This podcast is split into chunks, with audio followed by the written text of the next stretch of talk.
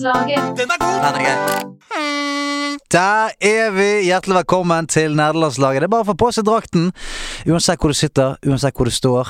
Nerdelandslaget er det du får. Eh, jeg prøvde meg på et lite rim der, jeg. Eh, Andreas Edelmann, jeg vet ikke hva du syns om det. Dumt å starte podkasten med så lite trøkk, men igjen, da, foran meg sitter han med heldig, eh, forhåpentligvis mer, mer poesi i seg enn det jeg har i dag. Andreas Hedemann. Er, er, det, er det langbein? Har langbein nei, nei det var Ok, jeg må prøve en gang til hvis jeg ikke fitter. Gø? Gø? Du er jo langbein! Nei. Jo, er det langbein som sendte inn? Vær ærlig med meg. Ettersom Stian virker misfornøyd med alle catchphrasene Hedman sier, så håper jeg denne appellerer til han. Ikke bare elsker Stian spillet, catchphrasen passer utmerket i sammenheng med Banjo Kazooie Å, sin ja. ankomst i Smash! Ah, Ok, Stå på, gutter, dere er topp. Hilsen Christian. da er jeg med. Åhå. Åhå. Det staves altså G-U-H, H-U-H. Så gu... Ja, men det, det høres ut som langbein, da. Ja, det gjør det. Ja. Superlangbein eller vanlig langbein? Eh, vanlig langbein. Ja. For superlangbein har han en annen, Ja, Han er ganske fet. Det er en Fantonal-opplegg der. Ja. Eh, Han har fått seg noen peanøtter, og han er Ja, men han har en annen Har han en annen sånn? jeg tror han er mer Altså, han er, han er, han er, eh, er han er også tøff, ja. Ja, men jeg, det, det syns jeg er feil å si. Jeg skyter ikke ned alle de uh, Skyter ikke ned alle. Det har vært et par gode der. Ja. Men det er jo liksom For at de gode skal bli gode, Ja. så kan ikke man hylle alle. Nei, det er nettopp det. Så jeg, jeg har jo lagt min elsk på disse eh, Å si kjøttet går på forskjellige språk. Mhm. Det har jo jeg eh, likt veldig godt. Altså Karnevalet har jo Ja, ja. sneket seg inn i, i dagligtalen min. Sitter som et skudd! Ja, og den der eh, Nikagaiku Ja, ja, ja. Det er helt Fungerer, ja. nydelig. Men guh, ikke en keeper. Nei, nei, for Jeg tror det man må lyse opp på slutten, egentlig. Nei, men det, Jeg syns at et, eh, et sånn slow Altså, det der må ha litt smekk i seg. Altså sånn et, eh, En catchphrase er noe du sier fordi at det er fett. Ja. Altså det er sånn As we say here, never let the peanuts wither. Jeg vet ikke, det er ingen som sier det. Men altså, du må ha et eller annet som smeller litt. Grann. Ja. Så det er sånn uh, For oss her i nederlandslaget Det er ikke så uh, fett. Nei, det er sant, det. Ja. Men uh, alle de andre, eller mange av de andre, syns jeg er veldig bra. Men takk for at du sendte den, Christian. Tusen takk, Jeg Christian. testa den. Ja. Falt ikke i smak den heller. Men jeg liker at du, du sitter jo i en veldig sånn udødelig posisjon. Du kan, Jeg presen, du kan presentere disse her, og så er det jeg som er asshole her. Det er det som er greien her. Du er ikke noe asshole! Nei. Det er som du sa, for at noe skal være bra, så må noe være mindre bra. Ja, og det har vært mange gode. Ja da, og det er ikke Ja. sånn at jeg er revnende uenig med deg i at gø ikke er det jeg er på å si mest hele tiden. Nei, Det vokser på meg hver gang du sier det. Ja, ja, ja, ja. Eh, det, gjør det. Eh, du, eh, vi har eh, i dag besøk av en eh, long time friend, Mm. rett og slett. Eh, det, Første episoden! Første episoden. Han er the original OG på nederlandslaget. Det er Hasse Hope kommer. Ja! Ja, det er så digg. Han eh, er jo Jeg kunne ønske at vi hadde han her hele tiden, jeg. Ja. Men han har sitt å gjøre, sikt og, slikt å føre, Mm. så han er jo rundt omkring og prøver å ta over verden på andre måter enn å bare sitte her og tjate med oss. eh, Selv om vi skulle ønske det. Så vi skal jo preike litt med han om eh, selvfølgelig Borderlands 3, som vi har hatt i spillklubben. Ja, Ja, ja, ja, du har lagt noen timer ned der. ja. Du har det. Der er jeg òg. Jeg har smeltet noen fjes der inne. Mm. Og så eh, tar vi en litt sånn utvidet korttavle i dag, gjør vi det? Jo da, For det vi, gjør der, vi. der fyller det seg opp hele tiden. Og vi eh, Så vi må nesten bare ta oss en eh, Vi snakket om det forrige gang òg. Vi må nesten ta en sending snart der vi får Mm. unna litt. For det er så sinnssykt mye spørsmål og gode tips og mye greier på korttavlen nå. Ja, så enten så kommer det noe ekstra i Mm. tillegg til det vi lager hver uke, eller så kommer det en sending hvor vi ikke har med gjest. Hvor vi Mm. bare går gjennom korktavler, for det er så mye. Og det er, vi har jo lyst til å svare på alle spørsmål som kommer inn. Ja, det er så mye fint. Og vi koser oss veldig når vi Ja, gjorde den i vi gjør sommer. det. Det var kjempegøy. Ja, det er veldig, Det var litt varmt, men ellers så var det veldig gøy. Det var veldig varmt. Vi endte opp Jeg i hvert fall endte opp i bokseren til slutt. Så Ja. det må ha sett veldig rart uh, ut for de som står utenfor så oss komme ut av kjellerstuen uh, nesten nakne. Men sånn er det. Det blir intimt der inne når uh, to menn med Uansett. Um, eh, av andre ting som skjer i denne podkasten her Jeg har lyst til å bare begynne eh, med å si tusen takk til de som møtte opp Ja! eh, på Ekeberg på søndag. Vi hadde jo en liten eh, vi, vi spurte jo dere om dere kunne være med oss på søndag på Ekeberg og lage en liten eh, greie. En liten video. Eh, og der møtte, opp, eh, møtte det opp en gjeng, mm. rett og slett. Så vi ble en eh, syv-åtte stykker. Eh, jeg lå et bilde på discorden. Det, det var et veldig morsomt skue. Det var både Mario, eh, Darth Vader Darth Maul? Darth Maul var med. Med en liten Mad Hatter. ja. Det var også veldig gøy, for uh, han som var med uh, Bad Fur Day, Ja, ja, Ja, på Discord. Han var med oss uh, utkledd som Darth Maul. Veldig, veldig skummel, sånn skinsuit. Uh, øynene var oppå panen og så helt crazy ut. Og så hadde han med seg datteren sin, som var så søt, for at da Du ser Darth Maul komme. Og så er det sånn Julia, Julia, kan du komme bort her litt? Eh, verdens mest sånn faderlige og forsiktige og snille Darth Maul. Ja, veldig koselig. Det var veldig koselig. Nei, det var sykt eh, bra øyeblikk, og det ble så fint òg. Vi fikk masse fin video. Ja, det gjorde vi, som vi skal vise på Tiltcast Mm. når vi er der og har eh, live eh, podkast den 6. oktober. Så hvis dere har lyst til å se hva eh, som ble ut av den filmingen, kom der. Vi kommer selvfølgelig til å legge det ut etterpå, Ja det, men det ble skamgøy. Det ble en gøy, absurd, rar dag. Absolutt. Yes! Eh, har du eh, har, Ukens øyeblikk Ukens øyeblikk, ja. har jeg lina opp her. Fordi eh, Ukens øyeblikk, det er en slags spoiler, så jeg kan ikke fortelle om den. Ah, wow, kult! Jeg kan ikke fortelle om den, men, Kult men øyeblikk. det jeg kan si eh, Det er Ja, men det er kult, skjønner du. Ja. Det er ca. ti timer inn i Borderlands 3. Så kjedelig og Så opplevde jeg et av de kuleste spilløyeblikkene jeg har opplevd Nei! de siste årene. Eh, det var så stort og så mektig og så vanskelig. eh, og jeg følte meg så ekstremt fet og god i det spillet da jeg opplevde det. Wow. Så hvis dere spiller Borderlands 3, så må dere se frem til det. Um, Nå ble jeg litt usikker her. Til opplevelse. Jeg kan si Ja. hva det missionet heter nå. Okay, ja. uh, men det er en spoiler alert da for de som ikke ønsker å vite hva missionet heter. Så nå kommer navnet Ja. om tre, To. to, én Beneath the Meridian. Heter jeg, har- jeg har ikke spilt det ennå, jeg. Nei? Så jeg har nok, sikkert ikke lagt jeg, jeg er level 15. Mhm. Er dette etter det? Du nærmer deg veldig nå. Ok, greit. Yes. Mm. Men det var um, Det var helt uh, Jeg måtte stoppe og ta screenshot shit, jeg gleder på! PlayStation, og det Oi, er sjelden jeg gjør. Ja, det er ikke ofte man gjør. Det, Ja. Man kommer borti knappen av og til. ja, ja. Men ikke, ikke med vilje. Oh Nei. shit, ok. Så det var veldig, veldig kult. Ja. Ok, Så ditt uh, spilløyeblikk var noe som uh, folk må bare inn og oppleve sjøl. Mm. En eh, you should have been there-øyeblikk. Nei, men eh, ja, jeg bare sier det. Hvis du har lyst til å oppleve et av mine da favorittøyeblikk i spill generelt, Wow. i hele spillbransjen, de siste tre, ja, tre til fem årene, Shit, altså. så er det bare å spille Borderlands 3. Men det var teaseren sin, altså. Ja, Ja, altså Ja, ja, Jeg fikk jo lyst til å dra rett hjem og fyre det opp igjen, jeg. jeg skal det etterpå, Ja. så ja. Ja, her er det bra. Eh, korktavle nummer én. Tavle. Hei igjen. Hei på deg. I en tidligere episode så snakket dere om at man bør kunne klappe hunder i spill. Vel, nå har den funksjonen kommet i Red Dead Redemption Online. Har han det også, ja? Any thoughts? Hilsen trofast lytter Mm. Emil. Nei, da skal jeg begynne å spille det igjen, i hvert fall. Da skal jeg inn der og, og få fart på den hesten min igjen. Og, Ja, Red Dead Online. Ja. Men det har jo kommet en expansion i Red Dead Online nå, da. Ja. Et uh, utvida DLC-univers. Men Med har- Jeg har hørt det, og det har flere kompiser som er inne og har eh, Hva heter det? En Pasi? Det er noe sånt, det heter en, Mm, ja, ja, ja, gjeng der. Ja, jeg har også Mm. det.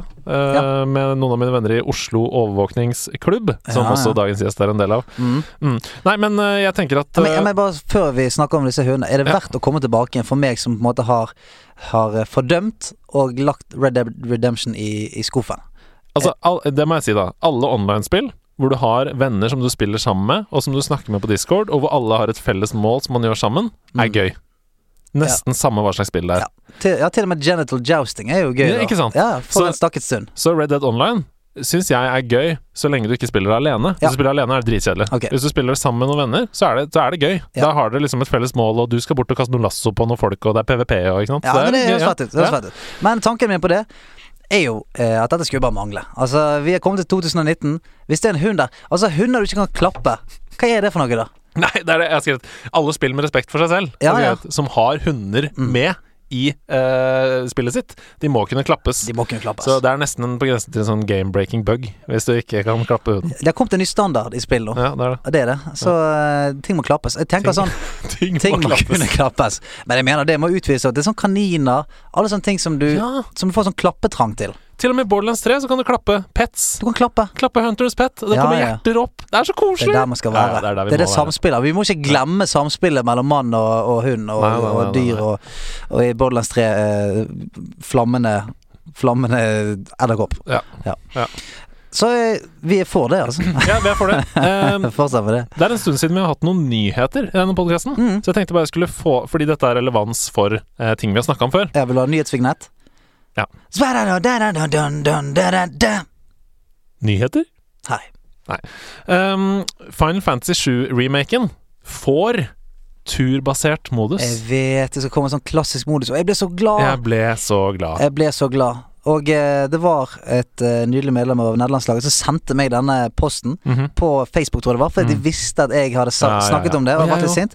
Og det, det ble jeg så glad for. ja For folk ser det. Ja, folk ser det, og, eh, og det er jeg veldig glad for. Mm. Så rett og slett, det er jo Jeg er jo en av de som har lyst Jeg har sagt det før, har lyst til å oppleve det på samme måten som jeg gjorde før. Mm. Så jeg, det er veldig kult at jeg får muligheten til det. Mm. Så yes, Konge Square Enix. Så det er altså det- på communityet. Hvis du går inn i menyen og velger classic mode, så kan man altså holde på da i menyene eh, og kose seg og, og sette opp eh, attacks og sånn, sånn som vi husker da og elsker. Og det, ja, det er Det deilig. Det, Det var det vi hadde før Hasse skal inn. Ja, men skal ikke bare få han inn, da? Åh, det er så deilig! Jeg gleder meg. Det blir helt annen energi med en gang. Med en uh, bart som kan få uh, de fleste til å gå i knestående, og en sjarm av de sjeldne. Her kommer han, Hasse Hope.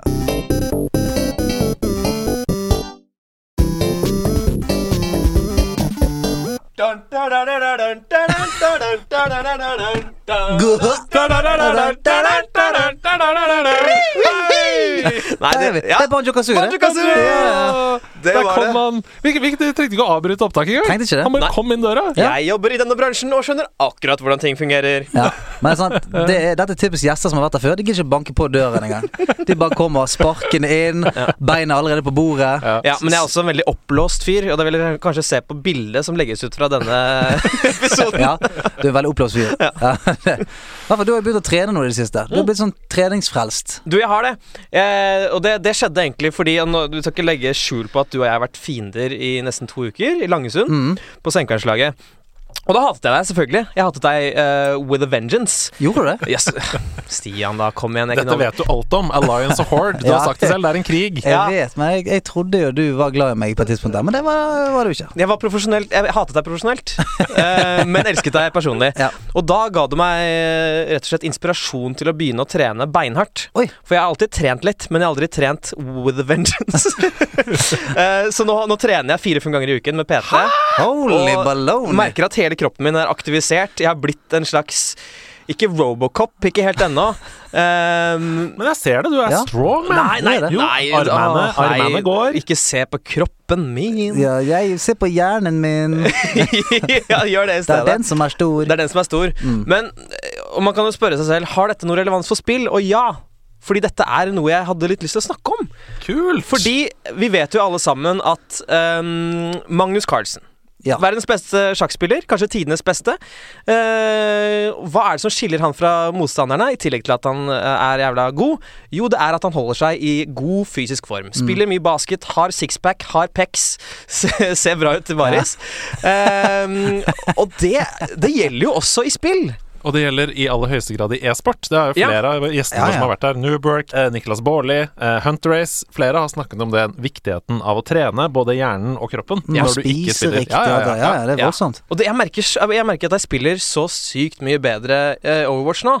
For jeg, jeg, hjernen min er helt med. Det pumpes eh, og nok oksygen opp dit. Og jeg har ikke sånne der downers fra alt sukkeret jeg har spist. Og, altså, jeg spiller så mye bedre. Shit. Det er veldig gøy, altså. Dette er jo en slags revolusjon. Du har på en måte tatt e-sportsopplegget og satt det i eh, et eh, privat system. Ja, det er det jeg har. Fy søren. Så det, det anbefaler jeg alle sammen. Jeg sier ikke at dere trenger å trene fem ganger i uken, men å trene bitte litt eh, Det er nerd å si det, men dette er nederlandslaget. Ja, ja. Det er kjempebra at du sier det. Ja, og, Ja. og til og med Altså Hvis man har lyst til å ta det inn i verden, da så er det sånn det, Så WeFit kommer med noen nye greier nå. Ja, ja, Der kommer det ja, ja. noe, noe hjul og noe opplegg Ja, som stemmer skal det på ja. Switchen, ja. Stemmer det. Zombie, Ja. Zobi, zobi. Ja, ja. Jeg sa, jeg sa Wii U. Ja, Jeg sa Wii U, ja. ja, beklager. Jeg- Det kommer til Switchen. Beklager. Det kommer Du er en av de to i Norge som har kjøpt Wii U. Jeg er den andre! Jeg har den. ja. Eh, men så det, der er jo det faktisk muligheter, da. Ja. Så hvis man har lyst til å fremdeles holde seg true mot, uh, mot nerdestempelet og fremdeles trene, så går det an å kombinere de to. Kjempeanbefaling. Ja. Men jeg har lyst til å spørre litt sånn ordentlig. Har du merka høyere win rate, liksom? Eller er det, er det mer det at du føler at du spiller personlig bedre? Fordi i Overwatch så har jo mye å si hvem du spiller med også. Det er jo liksom lag Ja, du kan carry til en viss grad, men det er jo et lagspill. Så Mm. det er jo sånn Det er en del tilfeldigheter også som styrer, det, i hvert fall hvis du spiller solo. Men, men merker du at win raten har gått opp? Den har kanskje gått opp 10, kanskje 10 da. Men det er ganske mye. Det er Jævlig mye. Jo, det er mye. Ehm, men det, det, er ikke, det er ikke nødvendigvis at det, det at jeg kjenner på at jeg vinner så veldig mye mer enn før, men det er sjeldnere at jeg taper og tenker 'dette var litt min feil'. Ja, sånn, ja. Eh, det er litt oftere at jeg tenker sånn Nei, faen, jeg gjorde, jeg gjorde det jeg kunne. Jeg gjorde Ja. de switchene jeg kunne. Men det der kommer, det Ja. der kommer av den selvtilliten som trening gir. Det er den. Ja. Jeg gjorde alt jeg skulle. Mm. Jeg var jævlig flink. Ja. De andre var dårlig. Ja. Man blir litt en cocky jævla av å trene, faktisk. Det er ikke greit. Så til de som hører på, ikke begynn å trene fire-fem ganger i uka. hold, jeg trenger ikke dø, for da plutselig er du han fyren der. Ja. Han sitter ved siden av oss her nå. Ja, han sitter Ja, er er. Ja, sånn. Ja, men du, bare sånn eh, Har du For, for du er jo inne i sånn uh, nyfrelsperiode nå. ja, ja. Jeg er forelska i trening. Ja. Men har du blitt han fyren som skal forkynne budskapet til alle? Altså på alle podkast når du kommer og sånn. Skal du skal, eh, skal du forkynne det budskapet? Jeg har begynt å trene, det er nydelig! Dette er første gang det skjer, så jeg har, jeg, jeg, har ikke noe bevisst forhold? Ja, jeg har ikke noe bevisst forhold til det å preache, liksom. Men jeg tror det kommer til å bli sånn. Og Ja. ja, det har begynt på privaten allerede. Ja, for hvem, har, hvem er ditt første offer? Nei, det er jo, det er, det er jo venner. Det er, jeg, jeg, jeg sa det blant annet til en politimann som selv trener Nei. syv ganger i uken. Så sa jeg, vet du hva, det er faktisk jævlig bra å trene fem ganger i uken. Og han bare Ja, jeg veit det, jeg har trent, trent siden jeg var tolv! Ja ja, men Men se på meg, da! Nå hørte du fra meg! Så det, det er ganske Jeg har blitt, uh, blitt sånn, og det må dere alle bare leve med. Ja, Men eh, innimellom dumbbells og squats og kreatin og proteiner, har du fått tid til noen megabites i nebbet, eller? Jeg har aldri, aldri tenkt på det i megabytes. Det er så lenge siden jeg har tenkt på det i den At det, det er jo faktisk Ja, megabytes. det er det det. På en harddisk. De flyter rundt der. Ja, jeg har uh, selvfølgelig pressa inn masse tid til spilling. Det er Skulderpresset. veldig, veldig bra, Stian. Mm, det skulle skulderpresset. Eh, sånn snakker vi. Sånn trener Mm, masse. Jeg trekker meg tilbake. Det jeg merket at jeg er stille. Ja, du er, du er helt stille. Helt stille. Mm. Ja. Jeg fortsetter med det. Nei, altså tre, trene Nei, oi, jeg holdt på til trening. Oi! Sorry, jeg skal ikke være her. Nei, nei, nei. Hvem er du? Spilling. Ja. Spilling er kanskje den siste tingen som uh, må bort når jeg har en travel uke. Ja, så det, Du prioriterer det først, på en måte? Altså Det er det siste du fjerner? Ja, det er det faktisk. For jeg, det er min meditasjon, og jeg, jeg trenger det. Mm. Så jeg, og jeg har spilt veldig mye forskjellig uh, for en gangs skyld. Jeg, jeg, jeg, jeg har et kontrollspørsmål til. Jeg klarer ikke å la det helt ligge. Hvis du får La oss si uh, i dag, da. Ja. Så får du valget. I dag kan du velge trene en time eller spille en time. Oi, det er, det er som å velge mellom to Nei! ni nevøer som Det er en av dem det må ikke. dø. Jo. Nei! Ja, ok, det er jo spilling, da, selvfølgelig! Ja, det er jo Ja, jeg er ikke, helt, jeg er ikke dum i huet, da. Folkens, folkens jeg er ikke, ikke drit deg ut. Du får Spilling kommer først, det veit du. Dere hadde kasta meg ut hvis jeg sa trening der. Til og med du hadde kasta meg ut, Stian. Stian gnir seg i øynene. Det er ikke så mye øyne igjen. We've, we've lost one, boys. We've lost one. Nei, men eh, jo, du, forrige gang du var her, var det skrev vi april? Var Og det du, du skrev da? bruker den setningen der, ja. Mm, ja. mm. Eh, det har jo skjedd mye i spillverden siden det. Har du noen liksom spilløyeblikk som du vil trekke fram? Er det noen spill du har spilt som du husker godt siden den tid, liksom? Eller har det gått eh, for det meste i Overwatch? Eller har du fått noen nye bekjentskaper siden dette? Ja, det var når jeg benkpresset. Ah, nei, det var trening igjen! Stian, du, skjønner, du kjenner meg for godt! Jo, nå skal dere høre. Nei, altså, jeg eh, er eh, Har rett og slett Jeg har blitt en competitive gamer. Ja, eh, på, ja. på godt og vondt. Og det betyr at det går i Overwatch, Fortnite og Apex Legends. Mm. Um, og det gjør at jeg får med meg jeg, jeg, jeg får ikke spilt like mange spill som jeg vet, jeg vet at dere gjør. Dere må jo det, for dere har en podkast, for faen!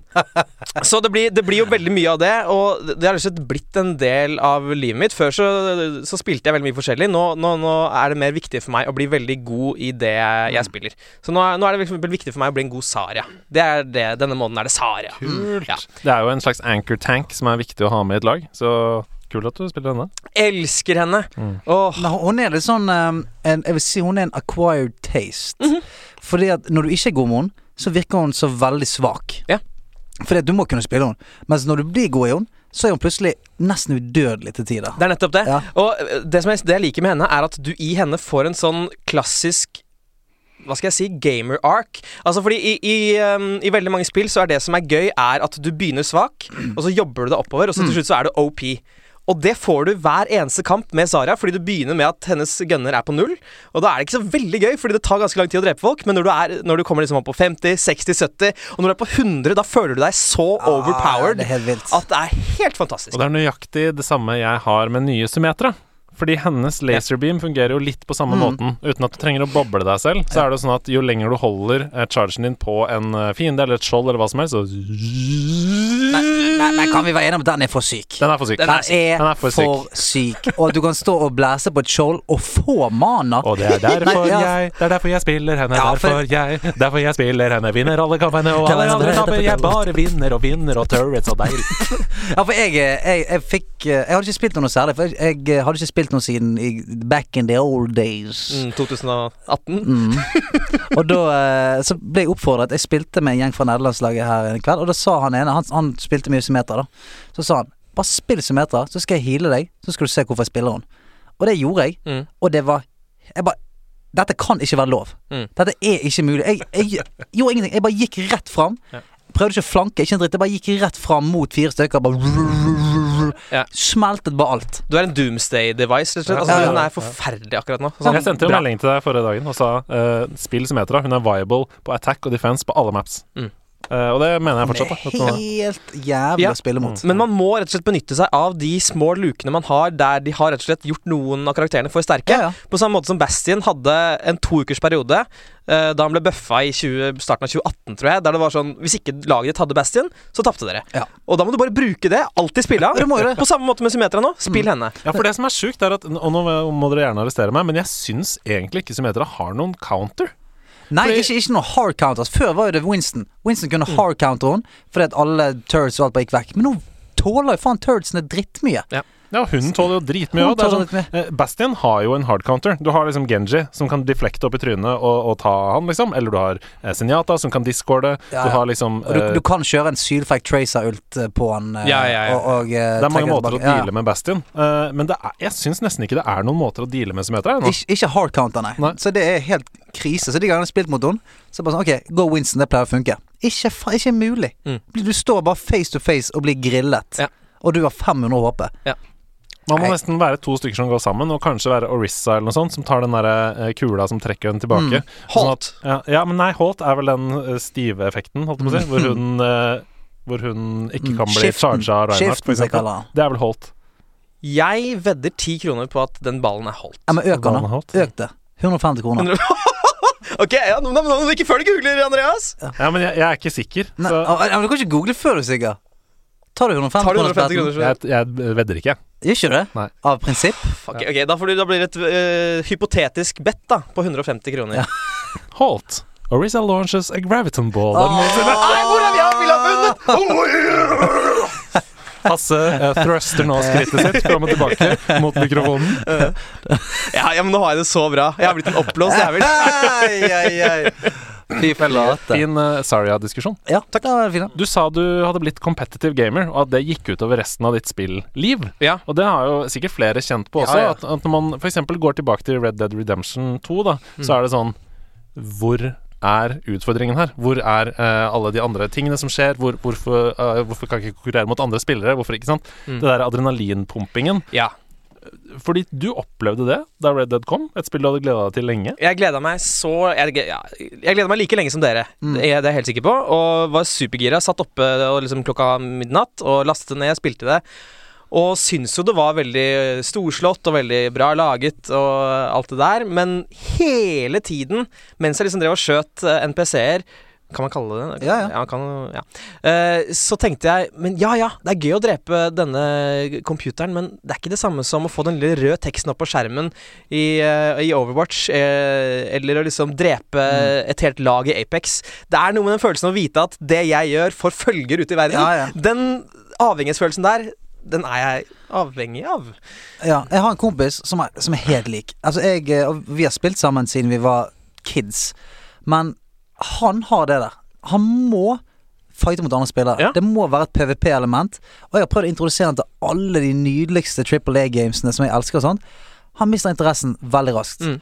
Og, han, og det, er bare, det har jeg bare innsett nå i voksen alder, at hvis jeg skal ha han med meg på spill, da må det kunne fightes. Mm. Og alt. Altså Hvis han spiller for eksempel et eh, MMO, og det ikke er noe sånn særlig PVP, da gidder han ikke. Nei. Sånn som nå, nå har han begynt å spille WoW Classic igjen. Storkoser seg. Bare går rundt og hunter hordes og er helt jævlig. sant? Det, det er det han trenger. Ja. Han trenger å kunne fighte mot andre spillere, nesten som du sier, for at han vet at på andre siden så sitter det en fyr og sier Rar! Det vil jeg ha! Ja, ja. Jeg vil se han uh, fyren fra Saudi-Arabia som river seg i håret fordi jeg var jævlig god akkurat der. Ja, ja.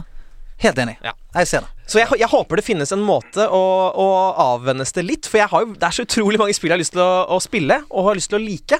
Så det er mitt mål for resten av året. Og du husker jo sikkert tilbake på eh, Hasse Pre, eh, Multiplayer Online, som hadde fantastiske opplevelser med The Last of Us, med sånne historiedrevne spill. Assassin's Creed 2, kanskje. Ikke sant? Altså på GameCube på N64. Altså På alle disse ja, ja. gamle konsollene så var det jo singleplayerspill. Men eh, ja, så kanskje du må på rehab, da. Kanskje du rett og slett må ha en måned uten internettilgang, litt sånn som Stian hadde. Ja, Det er ikke, det er det ikke, hjalp, det, altså. det er ikke umulig.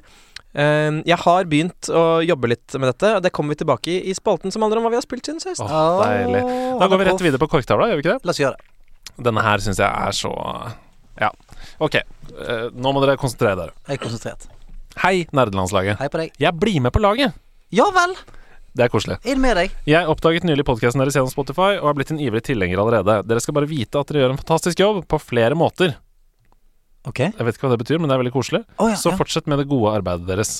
Tusen, tusen hjertelig. Jeg studerer master i psykisk helse Mm. ved NTNU. Eh, Jeg er fra tidligere av utdannet sykepleier og har videreutdanning i psykisk helsearbeid. Jeg hadde i utgangspunktet tenkt å skrive min master om dyrehold og psykisk helse, men dere har fått meg på nye tanker.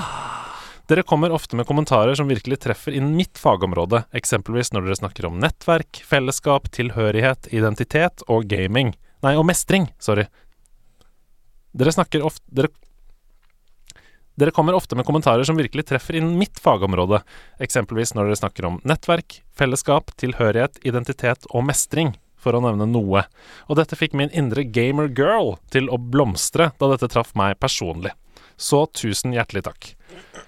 Mitt spørsmål er Kan dere overtale meg til å skrive min master om gaming og psykisk helse? Og har dere eventuelt noen tanker omkring hvordan jeg kunne vinklet denne oppgaven?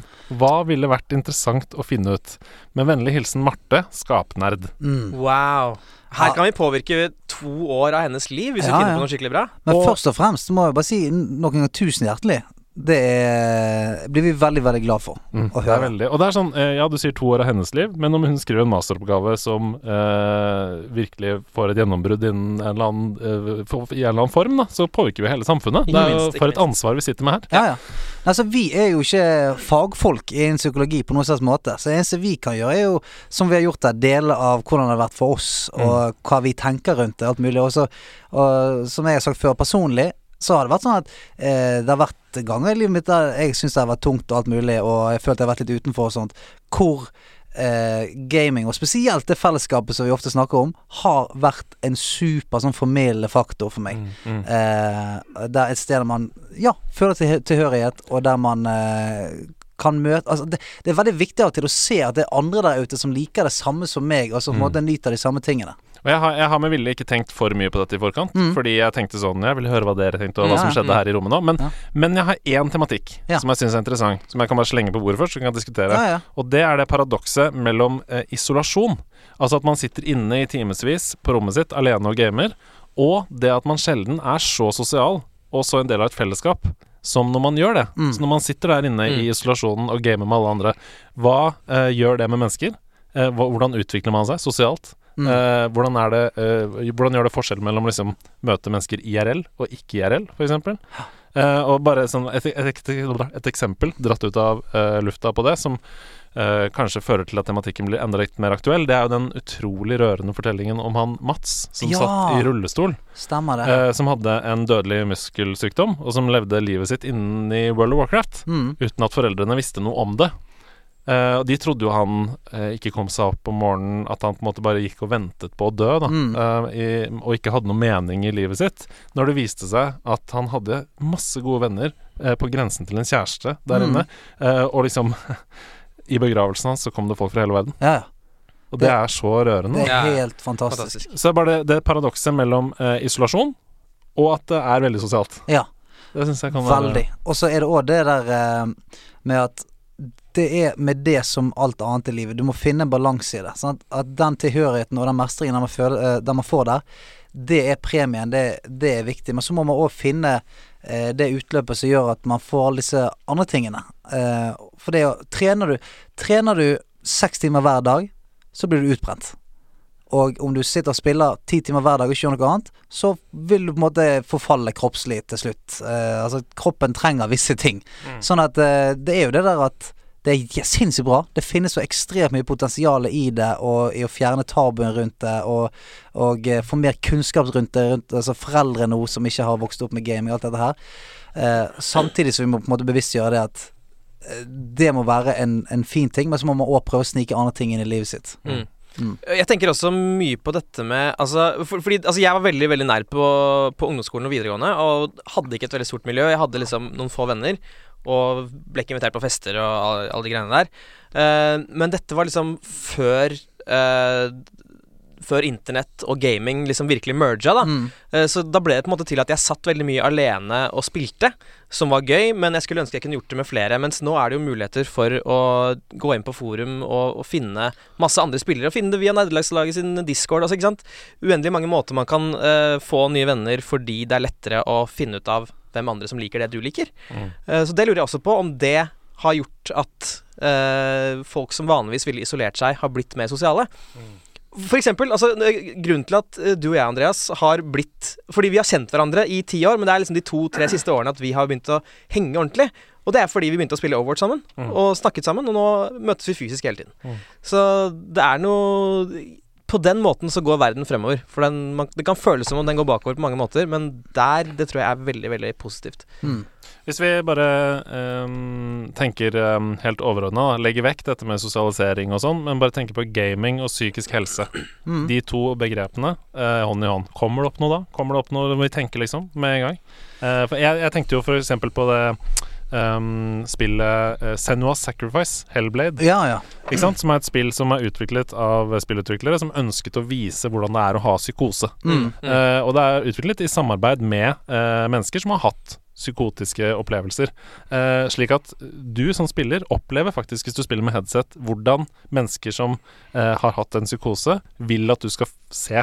Hvor, Mm. Altså de har, de har programmert det sånn at du skal få den samme følelsen som de hadde, da, Ja, sant. mener de. Mm. Um, kan det liksom Er det noe? Er det, handler det om å opplyse, eller jeg vet ikke. Ja, det, definitivt. Og det handler om å kunne leve seg inn i, uh, i andre personers liv på en helt annen måte enn en andre ting enn spill kan. da Altså For eksempel i Life is Strange. Jeg har bare spilt det første spillet, da men der, der er, spiller du en ganske upopulær jente som sliter med det å liksom bli populær, og som blir Mm. mobbet, og alle disse tingene. Som gir deg et, en innsikt i hvordan det er. Da det, jeg tror det kan hjelpe på empati, på en Ja, måte. Rett og slett. Der har du det. Empati. Ja, fordi at uh, det der det er veldig lett, og vi gjør det hele tiden. Så han sier til hverandre sånn Ja, jeg skjønner hva du føler. Mm. Sant? det er sånn typisk Ja, jeg kan skjønne at det er kjipt, men du gjør jo egentlig Altså, jo, jo, du, kan, du kan vise at du Altså, du kan vise sympati, da. Ja, jeg har sympati mot å ha det sånn, men det er veldig vanskelig å simulere en opplevelse. Mm. Men spill har jo en mulighet til å simulere en opplevelse. Sånn som du sier med Life is Strange. Du spiller, du er Nå er du en person som får alle disse tingene på deg. Du må, eh, du må interagere med en verden som ikke er kul med deg. Mm.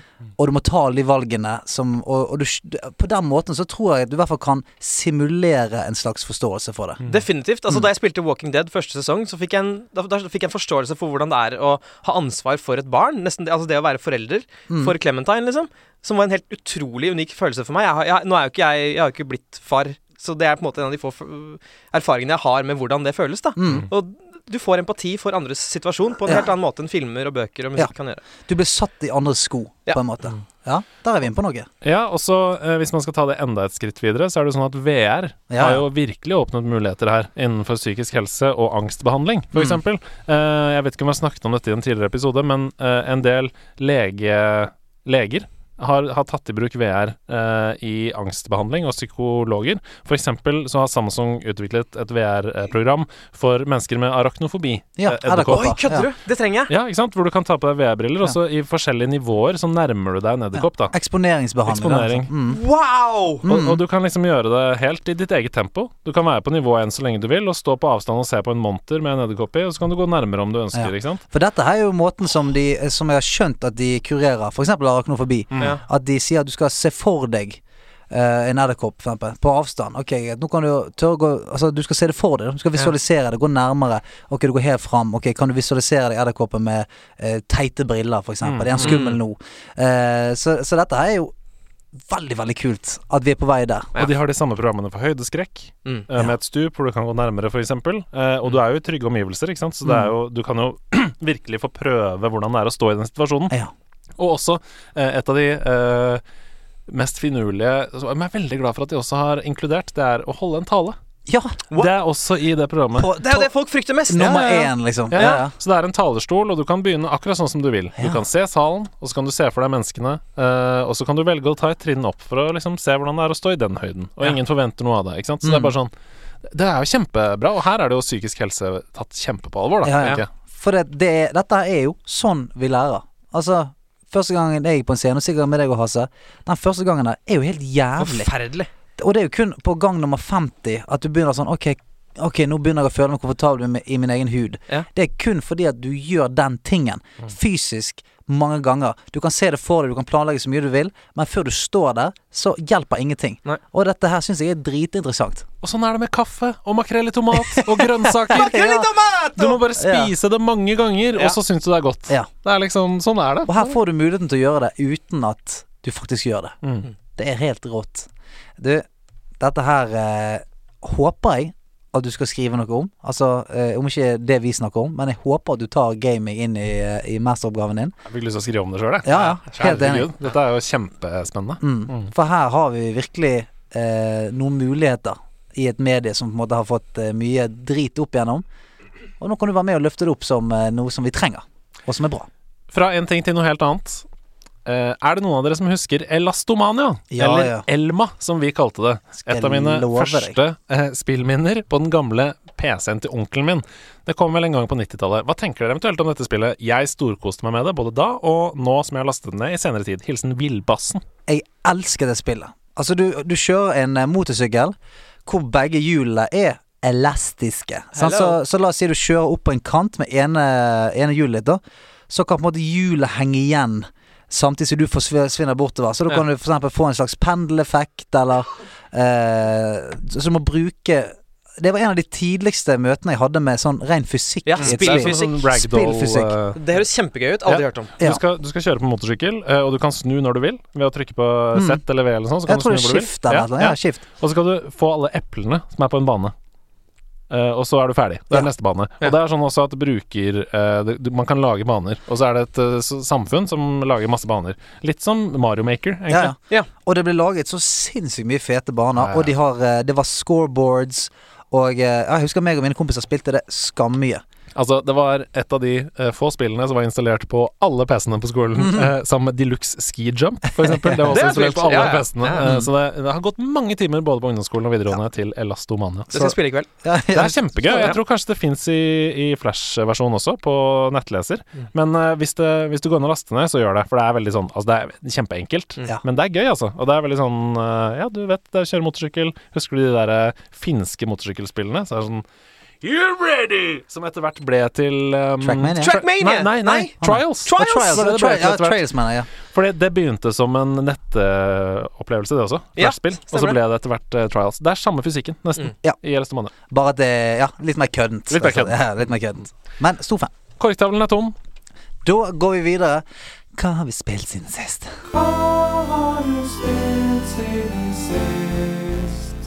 Spilletid. Spilletid! Spilletid. Spilletid. Hva har du spilt, Andreas? Du, jeg har spilt uh, ferdig episode to av Life is Strange 2. Vi begynte så vidt uh, sist. Nå har jeg spilt den ferdig. Har du hatt influensa siden sist? Du har faen fått spilt litt, du. Jeg har spilt, uh, jeg har spilt masse. Ja, shit. Og det er dritbra, det spillet. Jeg er helt hekta. jeg. Jeg var kjempehekta på eneren også, men nå er jeg helt fullstendig hekta på toeren. Så jeg gleder meg til å begynne på episode tre. Ja. Det fnises. Nei, Nei, jeg, jeg tenkte Nei på noe jeg Mm, Så jeg, i bare, stad. jeg så noe jeg, Jeg så det samme, tror jeg. Ja, kult. Men eh, det overskygges jo fullstendig av at eh, jeg har spilt så mye Borderlands 3. At eh, hjelp. Det er det jeg har spilt klart mest denne siste uka. Men Life is Strange 2, eh, spill både nummer én og nummer to. Plukk Ja. de opp, begge Ja. to. Kan jeg spørre eh, Nå virker jeg helt noob, men eh, føl- vi følger ikke de samme karakterene Nei, i helt denne. ny historie. Helt ny historie. Mm.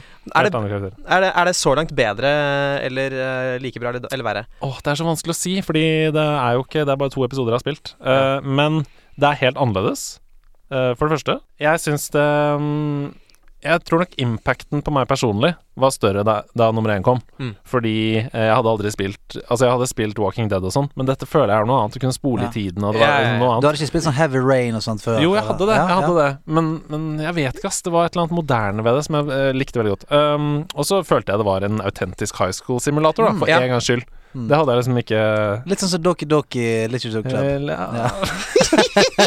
Oh, so very funny. Oh, very.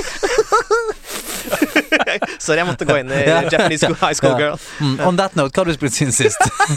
Men uh, bare for å avslutte. Yeah. ja. Eh, nummer to, det er en helt annen uh, historie, og den handler om eh, Den er nok mer politisk, på okay. en eller annen måte.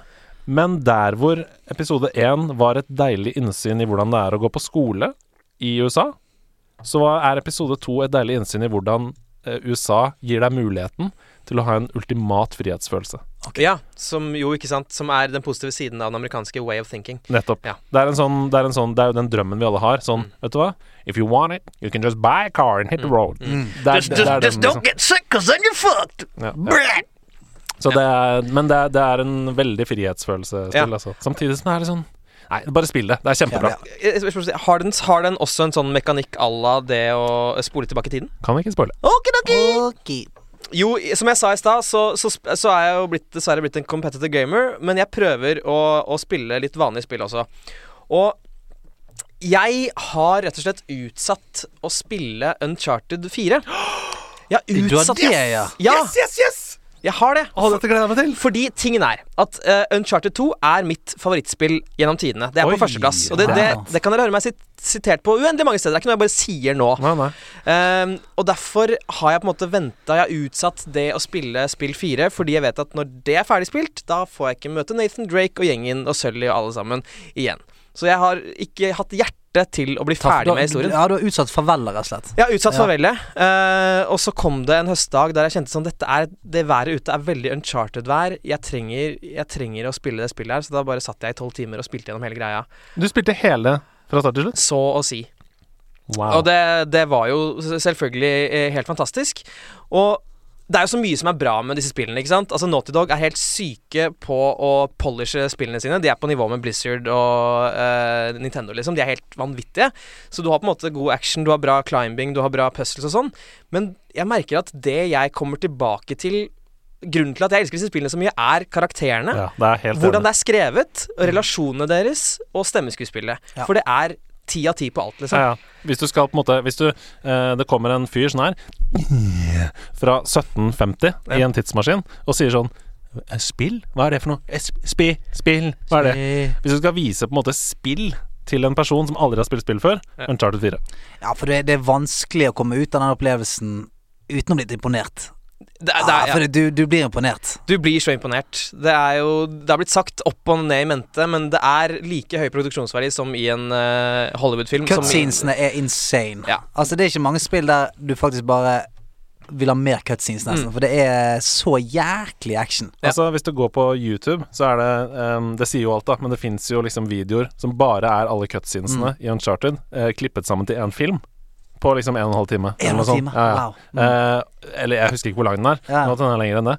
Eh, men den har masse views, Ja. og det sier jo alt. Ja, ja. Fordi folk sitter og ser på bare det. ja, for det kunne vært en film bare det. Så Ja, ja. det er den jeg kunne se på. Så det er det, det er det ene jeg har spilt. eh, og det Gratulerer. Åssen syns du det var?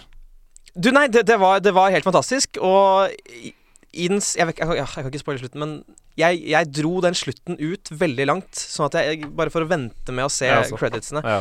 Uh, fordi det var så stort for meg, og jeg ble litt, uh, litt fuktig i øynene av å måtte si ha det. Ja, det er sånn det skal være. Ja. Sånn det skal være. Men, men nå, nå er det ferdig. Jeg tror ikke de kommer med en ny Uncharted nå. Det kapitlet føles uh, over. I hvert fall ikke med de samme karakterene. Ja. Men ikke, ikke litt fint, da? Jo, jeg Jeg syns syns det er fint av og til. Det er sånn, ok, vet du hva, det der var det, og det var fint. Ja. Nå kan man pakke det inn, og så står det på en måte på hyllen for alltid som sånn Det der var fint. Ja.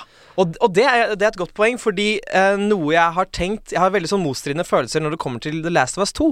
Fordi jeg Mm. skulle litt ønske at man bare fikk ha det spillet der, fordi det var så perfekt slutt. Det var sånn Ja! Det var ingen annen slutt som kunne, som kunne Nei. oppfylt mine drømmer. Jeg er helt enig. Og det er så mange som sier sånn Nei, jeg syns det var ræva slutt. Helt uenig. Jeg synes den er perfekt, Ja. den slutten. Så, perfekt. så det at man nå på en måte henter opp spillet igjen og lager en toer, eh, er bra, fordi da får jeg spille mer Last of Us, men Men det er alltid sånn vond følelse. Ja, det er sånn Å nei, nå, nå skal jeg møte hun damen jeg var forelsket i på, i liksom femte klasse. Hun som jeg tenkte sånn, hun skal jeg dele liv med. Ja. Åh, håper ikke jeg Ok, ja. Samtidig så hadde jeg det litt sånn da jeg var ferdig med Borderlands 2. Ja. Men å plukke opp Borderlands 3 nå, møte de samme menneskene Ja. og møte de karakterene Åh! Ja, ja. Det er en fryd. Det er en fryd. Det Må ikke legge skjul på det. Det andre jeg har spilt eh, eh, siden sist, er Jeg lasta ned uh, The What Remains of Edith, Edith Finch. Helvete, for en uke du har hatt! Ja, Ja, du. Da det lå gratis ute på, på PlayStation Plus, og så har jeg ventet et år med å spille det. Uh, og så spilte jeg det gjennom en kveld, hele greia. Og det er rett og slett Det var, det var så skjellsettende. Ja. Det var så vanvittig å, å liksom følge denne utrolig dystre, mørke, grusomme familiesagaen uten at jeg helt skjønner eh, hva som er tenkt bak her. Det, det, det går helt fint. Jeg syns fortsatt det var en helt fantastisk opplevelse. Uh, og jeg satt igjen med en følelse som jeg ikke har hatt siden jeg spilte gjennom eh, Firewatch, som er mitt uh, favorittspill nummer på tredjeplass da på lista over mine forrige Uh, Andreplass er Half-Life 2. Ehm, så Rut Remains of Edith, Edith Finch Sett Hvor mange timer tar det? Fire timer? Ja, det er ikke mye, ass. Nei, vi, vi har sagt det før, at uh, hvis ikke du har spilt det, bare, du må bare inn der og, det er og tre kjenne til, det. tre til fem timer, liksom. Det er bare å komme seg gjennom. Det er bare en helt vanlig kveld. Hvis du ser Ringenes herre Extended, er det like langt. Mm. Så ja. Det er nydelig. Nei, og det er bare sånn Det spillet der, ass. Det er bare sånn, da det var ferdig, så syntes jeg det var så trist at det var ferdig. Ja. Jeg ville bare være der mer. Ja. Jeg ville oppdage mer. Ja. Så jeg kommer til å spille på nytt. uh, Ja. fra start. Jeg. Fikk lyst til å gjøre, jeg. Altså, jeg, kommer jeg kan ikke toppe den spilluken der. Så jeg sier bare, uh, som sant er, jeg har bare spilt Borderlands 3, jeg òg. Har hatt eh, både syk kone og syk eh, datter hjemme, så jeg har, så, jeg, har- jeg har kjempet for å få spille denne uken her. Så det er det jeg har spilt siden sist. Hei, hei hvor det går. Mario eller Mordor.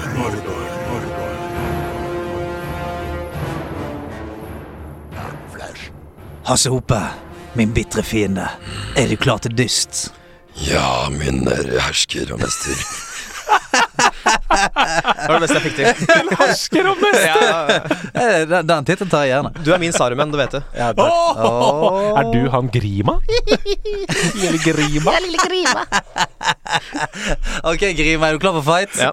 ja. Ormstunge? Å oh, oh, ja, stemmer det. Grime ormstunge, Grim ikke det ja. Ja. Min hersker og mester. Ok, vi er i gang med Mario eller Mordor. Denne uh, lydkonkurransen hvor jeg da spiller av noen karakterer fra spill, uh, og dere er bitre fiender og konkurrenter. Og skal uh, rope navnene deres for å få lov til å svare. Eh, og det er som vanlig et tema. For disse uh, låtene jeg skal spille av nå, eller klippene jeg skal spille av, som da dere må gjette på til slutt Ja. for et bonuspoint. Ja. Um, Og du sier Grima, jeg sier Saruman. ja, du, du, så du må rope Grima. da. Jeg skal rope Grima. Ikke bare stønne. Nei, nei. Nei, jeg må jo si Jeg må jo si at uh, jeg gikk eh, inn på nerdelandslaget sin Instagram-konto Ja. forrige dagen, for det gjør jeg ganske ofte. eh, daglig. Eh, Fett.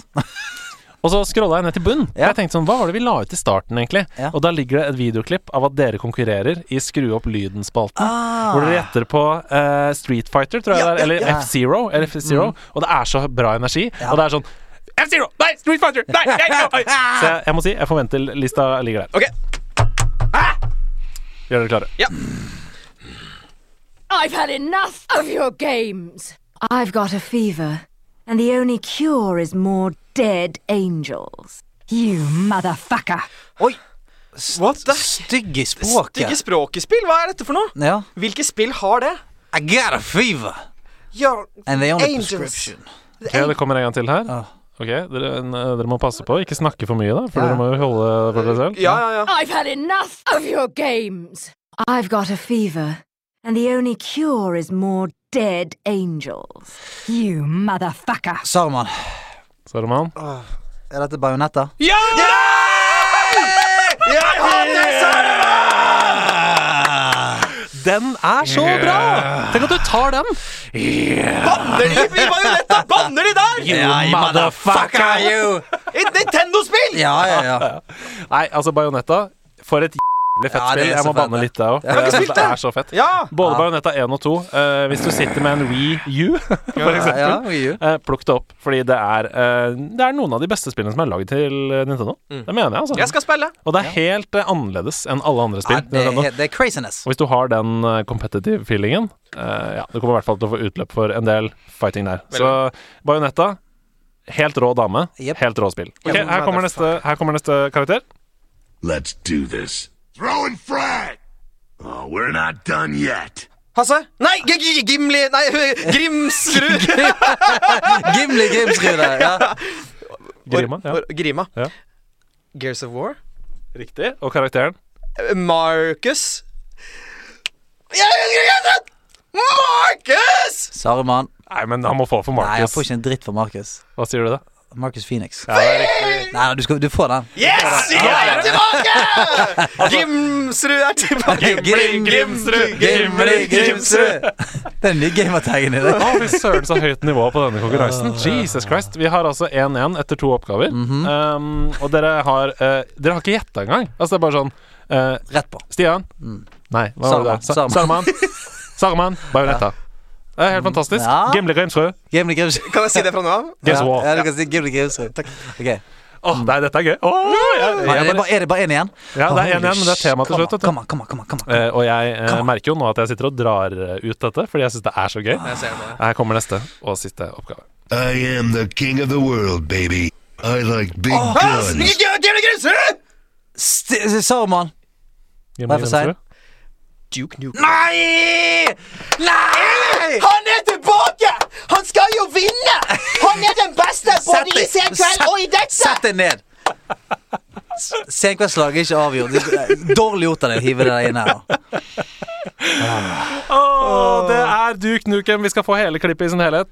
I am the king of the world, baby. I like big guns, and I cannot lie.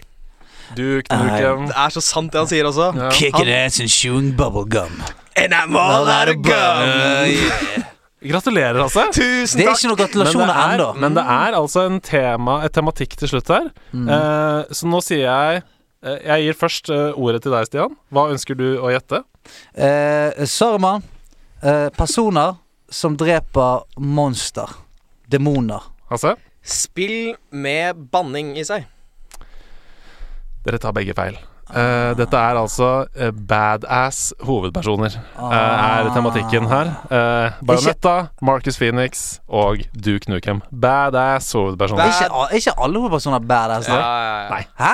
Det er det ikke. Du kan ikke si at hovedpersonen i Night in the Woods, den lille katten som går rundt, er en badass. Jeg, det syns jeg er dårlig gjort overfor katter. Det synes jeg. Jeg er ikke Ok. en katteperson sjøl, men jeg syns det er en badass katt. Jeg vil si at for eksempel mentalt så er den katten en veldig badass. Ja, for den eh, orker å stå i det og kommer tilbake til der den kommer fra. Sånn. Sant? Men uh, i dette, dette ordets forstand Ja, det er helt enig.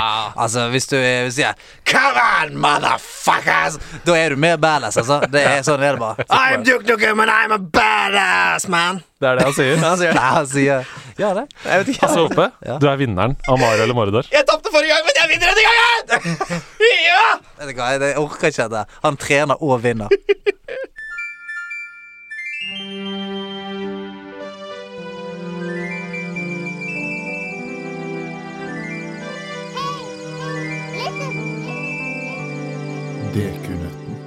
Ok, da er det nøttetid, og eh, da er vi Vi er venner igjen, vi nå, ikke vi det? Det er så deilig. Ja, vi må Jeg nesten være digger venner, for nå skal vi begge to få gyve løs på en nøtt. Fra Thomas Paste. Mhm. Og eh, han har spilt litt, så her må vi, her må vi sette hovene godt sammen. Ja. Bli et siamesisk hjernetroll. Pumpe oksygen opp i hjernen. Ja, ja, ja. Fra, herregud. Ok, ja, da er vi i gang. Men da eh, Thomas Paste sendte meg denne DQ-nøtten under bordet sist uke, så må jeg si at jeg snikpika litt eh, på nøtten Gjorde hans. det? Ja. Andreas, da. Andreas, da. Det kan bety noe annet. Ja, men det gjør ikke det. Um, og jeg kan si at jeg, jeg visste at uh, dette kom til å bli en god nøtt for dere to. Ok. Uh, så her kommer den. Nevn tre steder på kartet i Apex Legends. Oi. Kings Canyon. Nei, det er ikke noe Det heter hele greiene. Det, Ja. det heter eh, Water Treatment uh, Eh, Skull Thunderdome. Ja, Thunderdome. Og ja. Skulltown. Skulltown. Ja, Gratulerer! Hey! det. Knakk til henne. Det var jo en myk liten mandel, det der. Bonus. Ja, bo oi, bonus. Okay. Hva er navnet på selve mappet? Kings Canyon. Ja, det er riktig. Come on, Thomas! Come on, Thomas! Må gjøre det bedre enn det her! ja, ja. Du må gjøre det bedre! Vi er dårlige i bergensk. Jeg, jeg, jeg har ikke karakterer, jeg har ikke stemmene helt inni meg. OK. Eh, Fyr løs, Hasse. Fyr løs. Ja, okay. ok. Nå er vi fiender igjen. Ja, Ja. ja, men, Gimli Grimsrud. Grimsrud. My old nemesis. men nå er jo vi venner, da. Hei! Det er så deilig å se hey, hei. Har ikke vi alltid vært venner? Jo, vi er Ja, det er bra. Nå ble jeg litt redd her. Ok. Hør på spørsmålet fra meg. Det mestselgende Sier dere mestselgende eller bestselgende? Altså, Jeg har ikke noe å si. Ok. Vi skjønner hva du mener. Ja. Det mestselgende spillet til PS2 var GTA San Andreas. Det mestselgende spillet til PS3 var Grand Theft Auto 4. Men hva het det mestselgende spillet til PlayStation 1? Oi, vi skal bakover i tid, ja. PlayStation Shit, 1. Åh, det er så, du, får, du får lyst til å si alle de Crash Bandicoot og alle det der. Ja. Men er det noe som kom Hva var det? Hva var, husker du hva en av launch-titlene til uh, PlayStation 1 var? For det sliter jeg litt med. Altså, vi må huske at det var jo først og fremst en uh, japansk konsoll. Den kom først til Japan, før den kom til Europa. I 95, ja. Med andre ord så er det nok uh, mest for det japanske markedet. Og da begynner jeg å tenke sånn eksempel Gran Turismo. Ja. Det kom jo til PlayStation 1. Mm. Eh, nummer én. Og var veldig folkelig. Mange som kunne kjøpe det. Mm, Du og var, trengte ikke å være en spillfreak for å like Gran Turismo. nei, og var veldig sånn um, Altså, det er bilspill. Ja. Og det var bra. Ja, Ja, kjempebra. det var bra. En revolusjon. Altså, det var jo en bilsimulator, liksom. Mm. Man prøvde skikkelig å simulere hvordan det er å spille bil, men det er ikke um, helt demografien for begge Jeg kan, jeg kan nevne at jeg gikk på et skikkelig bomkjøp på PlayStation 1 Når jeg fikk med det. Kjøpte Is No Good. 90-tallets store Det var tegneseriehelt. Jævlig dårlig. Og så satt jeg fast med det da som mitt første spill. Måtte jeg spille da Uh, um, Så det er ikke Is No Good. Da har vi bare tatt den vekk. kan det være et fighting-spill? Kan det være For det er jo stort i Asia Tekken 2, liksom. Ja, liksom Tekken, ja. liksom. Men te Tekken 2 var hippere enn Tekken 1, tror jeg. Mm. Var ikke det det? Ja, fordi det er jo gjennom en hele. Shit, det er jo gjennom hele uh, konsollens levetid òg, vet du. Ok, men La oss skyte ut noen gode spill. Crash Panicot. Eh, Gran Turismo. Vi har eh, Kan jeg bare si én ting til? Bubble Boble. Ja, Det kom på Nes, gjorde det ikke? Nei, men det var på PlayStation 1 nå. Oh, ja, ja, ja. Men skyte, Rolig. Vi er på lag. Ja, ja ikke sånn der stemning her. jeg må bare skyte inn én fakta til. Ja. Og det er jo sånn at når man selger mest av et spill, så er det jo når konsollen har satt seg, og mange har kjøpt den. Så et av de mestselgende spillene til Wii er f.eks. et som har sant, Et som blir kjøpt når mange har Mm. konsollen. Eh, Så jeg tenker sånn Det trenger ikke å være launch. Det kan godt være et stykke ute i konsollens Det kan levetid. det, det kan det. Um, ok, ikke- verdensomspennende spill. Nei, vent litt nå. Det var ikke Fifa hot shit på PlayStation 1? Hva med Spyro? Spyro er jo godt. For der var det 1, 2, 3 Ja, men det er selvfølgelig én av de, ja. Å, dette blir for vanskelig, altså. Jeg tror vi bare må ta Eller var det GTA 1? Er det lurespørsmål? For GTA 1 kom på PlayStation 1. Nei, men det var ikke så tilgjengelig, vet du. Men Jeg- det var jeg- masse overskrifter, da. Ja, det gjorde det. Men jeg kjente ikke mange som spilte GTA 1, altså. Mm. Ah, Jeg koser Hva meg, er- meg så mye. Hva er Sonys eh, Mario, da? Sonic Mario Crash Bandicoot. Ja. Ja. Det er, så, det er Sonic Mario. Og du hadde, du hadde både 1, 2 og 3 på eneren. Det var en hipp det var tydeligvis en hipp, hipp bransje. Solgte nok av eneren til at de lagde Jeg både tror Crash Bandicoot 2, 2 Vortex er det mest solgte. Er det? Ok, så Cortex eh, Strikes Back. Cortex Strikes Back. Å, det er sykt hvis vi melder det. Skal vi prøve oss? Eh, ja, jeg, jeg kjenner litt på Spyro, ass. Men, Gjør eh, Men hvilket er det, da? og så er det sikkert sånn Du, det er Resident Evil. Det er sikkert men det, det som er det, Nei, riktig. det, det, er det, det tror jeg heller ikke det. Oi, nå drar han seg i barten. Ja, men det var så gøy! Uansett. Eller er det Metal Gear Solid? Ja, du, nå er vi på et rolig spor. Oi, det, og da snakker vi Japan. Snake. Snake, Metal Gear Solid 1. Den er den ikke er dum, skjønner du. Vi har uansett brifa nok nå med at vi kan masse. Ja, ja. Så skal vi bare svare Å, fy flate. For det, vi har sagt det, vet du. Ja. Og han har bare sånn det er tippetoet over det. Vi må Ja. gå for et. Hva, hva har du best følelse på? Fordi um, Wii Sports var det som var solgte mest til Nintendo Wii, Ja. som er så folkelig og tilgjengelig. Ja. Så tenker jeg at vi må ned på Spyro Ja. eller Crash Bandicoot. Ok, greit. Jeg, jeg, velger Crash Bandicoot, du tar eh, Spyro, vi tar stengselspapir. Ha, ok, du, din saks vant over mitt uh, skitne papir. Da blir det Spyro. Vi går for Spyro. Mine dam... Nei, dere er herrer. Er Min, begge herrer. Mine herrer, det lå et lite hint i spørsmålsstillingen. Fordi det mest solgte til PS2 var Grand Theft Auto San Andreas. Til PS3 var det Grand Theft Auto Ja. 4, og det var til PlayStation 1 Grand Turismo. Å, hva sa Turismo, sa, Du var jo sa! Du var jo der! Sa Ja. Å, det var det. Derfor han koste seg. For at vi bare Vi, vi trakket over det med en gang. Ja, Men er det ikke det de sier til sånne deltakere på Vil du bli millionær og sånn? Gå for magefølelsen. Bare ta det første du tenker. Ja. Husk det til neste gang. Ja. Fuck at den, altså. Gran Turismo. Det var for Men på den positive siden, dette er veldig god uh, Dette er god podkastunderholdning å høre folk vri hjernene sine. Så ikke glem det. Nei, ok, greit. Du, takk. takk for oppmuntrende ord. Ja, og mens vi fatter oss igjen, så kan du slide en liten nøtt under bordet her til eh, Andreas. Sånn, ja. Hæ? Fi- Firkanta? Ja, her er firkant. Firkantnøtten. Den er formet som en Tesseract fra Marvel. Ah, det er det. Ei, hva er det den har laget her, da? Ja, den var uggen.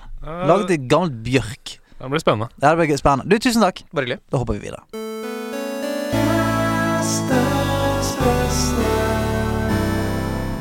Gjestens beste.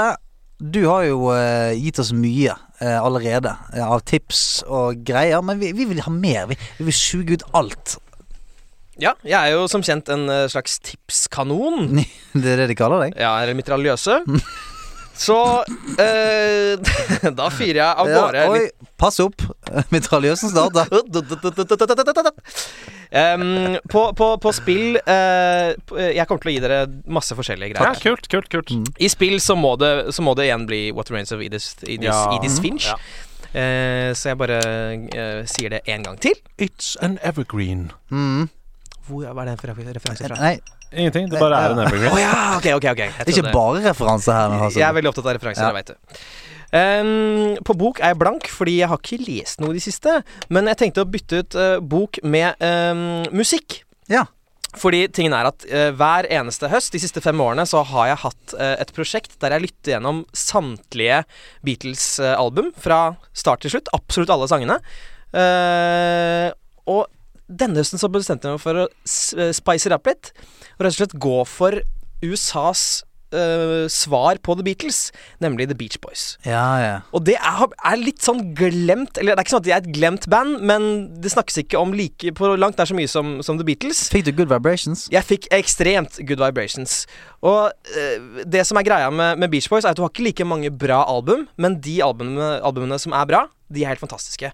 Og selv om The Beatles var bedre på, det, eh, på låttekster og på eh, det å utvikle seg og alt det her, så er det én ting Beach Boys er bedre på enn noen andre, og det er harmonier. Harmonier. Og når det, kommer- altså når det kommer til musikk, det aller viktigste for meg er harmonier, flerstemthet, oh, og måten Brian Wilson, gruppens frontfigur, klarer å flette inn de vakreste, mest kompliserte harmoniene til å gå opp i en høyere enhet, er helt fantastisk. Det treffer meg som en hagle i magen. Eh, alltid når de Og jeg må bare si at God Only Knows er jo den vakreste, den vakreste kjærlighetssangen. sangen som er produsert. Den vakreste kjærlighetssangen som er produsert.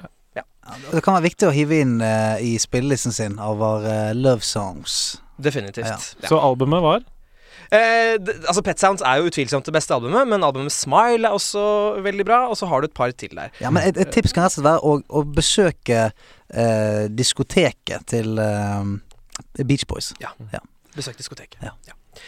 Eh, så vil jeg på uh, TV-seriefronten anbefale eh, HBO-serien Succession. Som er eh, det, det beste jeg har sett eh, de, siden Breaking Bad. Wow, Oi! Ja. Det er tøft å er ganske sterke ord fra en som på en måte uh, Jeg vil si bare lever av TV-serier. Jeg lever av TV-serier. Nå bare gjentok jeg det du sa, for å forsterke budskapet. Um, jeg prøver å ikke anbefale for mye TV-serier, fordi det er noe som skjer Altså, alle anbefaler alle TV-serier hele tiden, og etter hvert så blir man bare mett. Man klarer ikke å ta inn flere anbefalinger, men dette er Jeg går rundt og forkynner Succession. Som er en serie som handler om en eh, amerikansk familie som er, driver et medie... Hva heter det? Medieimperium Mm. à la Fox. Eh, og du har liksom en, en, en far på toppen som snart skal gå av, og du, han har fire barn, og hvem skal arve dette enorme Succession. Mm. Ja. Og det maler et fantastisk bilde av hvor kjipe, skikkelig rike folk er. Eh, et veldig realistisk og veldig fint bilde av hvor dritt det er å være så rik. Ok, Kan vi bare male ut et bilde nå? av den situasjonen. Nå er jeg eh, en fattig gutt som kommer Hei. og spør deg etter en smørbukk, eh, og du er da hovedpersonen i denne Men, serien. men spill, spill ut skikkelig her nå. Ja, ja, jeg skal gjøre det ordentlig. Jeg skal gjøre det ordentlig. Ok. eh, ok. Ja. Sør, sør. Ja. Eh, har, du, har du to kroner til en smørbukk? Vet du hva, gutten min? Eh, hvis du klarer å klatre opp den flaggstangen der på eh, to sekunder, så kommer du til å få én million kroner. Men, men, Her, her ser du en sjekk. men sør, den er nesten 100 meter høy. Ja, men hvis du klarer det, så får du én million kroner. Men in ingen kan klare det. Jeg vil bare ha to kroner til en smørbukk. Gi det et forsøk. Ok, jeg prøver, jeg prøver alt jeg kan. Tiden er over. Ser du denne sjekken? Denne kunne gjort livet til deg og din familie 100 ganger bedre, men nå river jeg den opp foran ansiktet ditt. Gråt tårene dine. Jeg elsker tårer. Jeg samler det i dette glasset og drikker det når jeg kommer hjem. Jeg hater deg. And scene. Eh, Det var jo en helt uh, Er det sånn?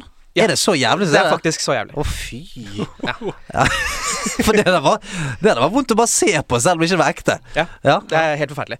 Og, og, og dialogen er like snappy som en Aaron Sorkin-serie. altså Hvis man har sett liksom West Wing eller Newsroom eller Så disse er flinke til å være jævlig.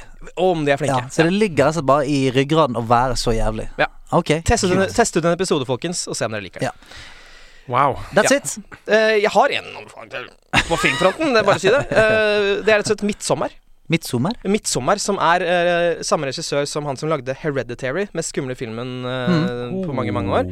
Han uh, slapp filmen 'Midtsommer' i, i sommer. Og den er helt fantastisk om en gjeng amerikanske studenter som drar til en svensk midtsommerfeiring, og shit gets dark. Ok. Wow. Er vi på grøsserfronten? Vi er på grøssefronten, Ja. men det er ikke en sånn jump scare-aktig greie. Det er en sånn It ved, follows. Ja.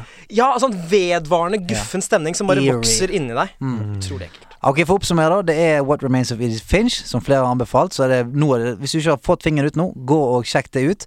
Og Beach Boys.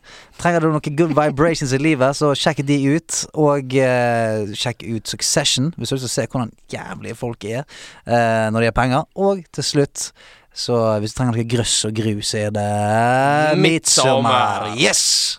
Da har vi det.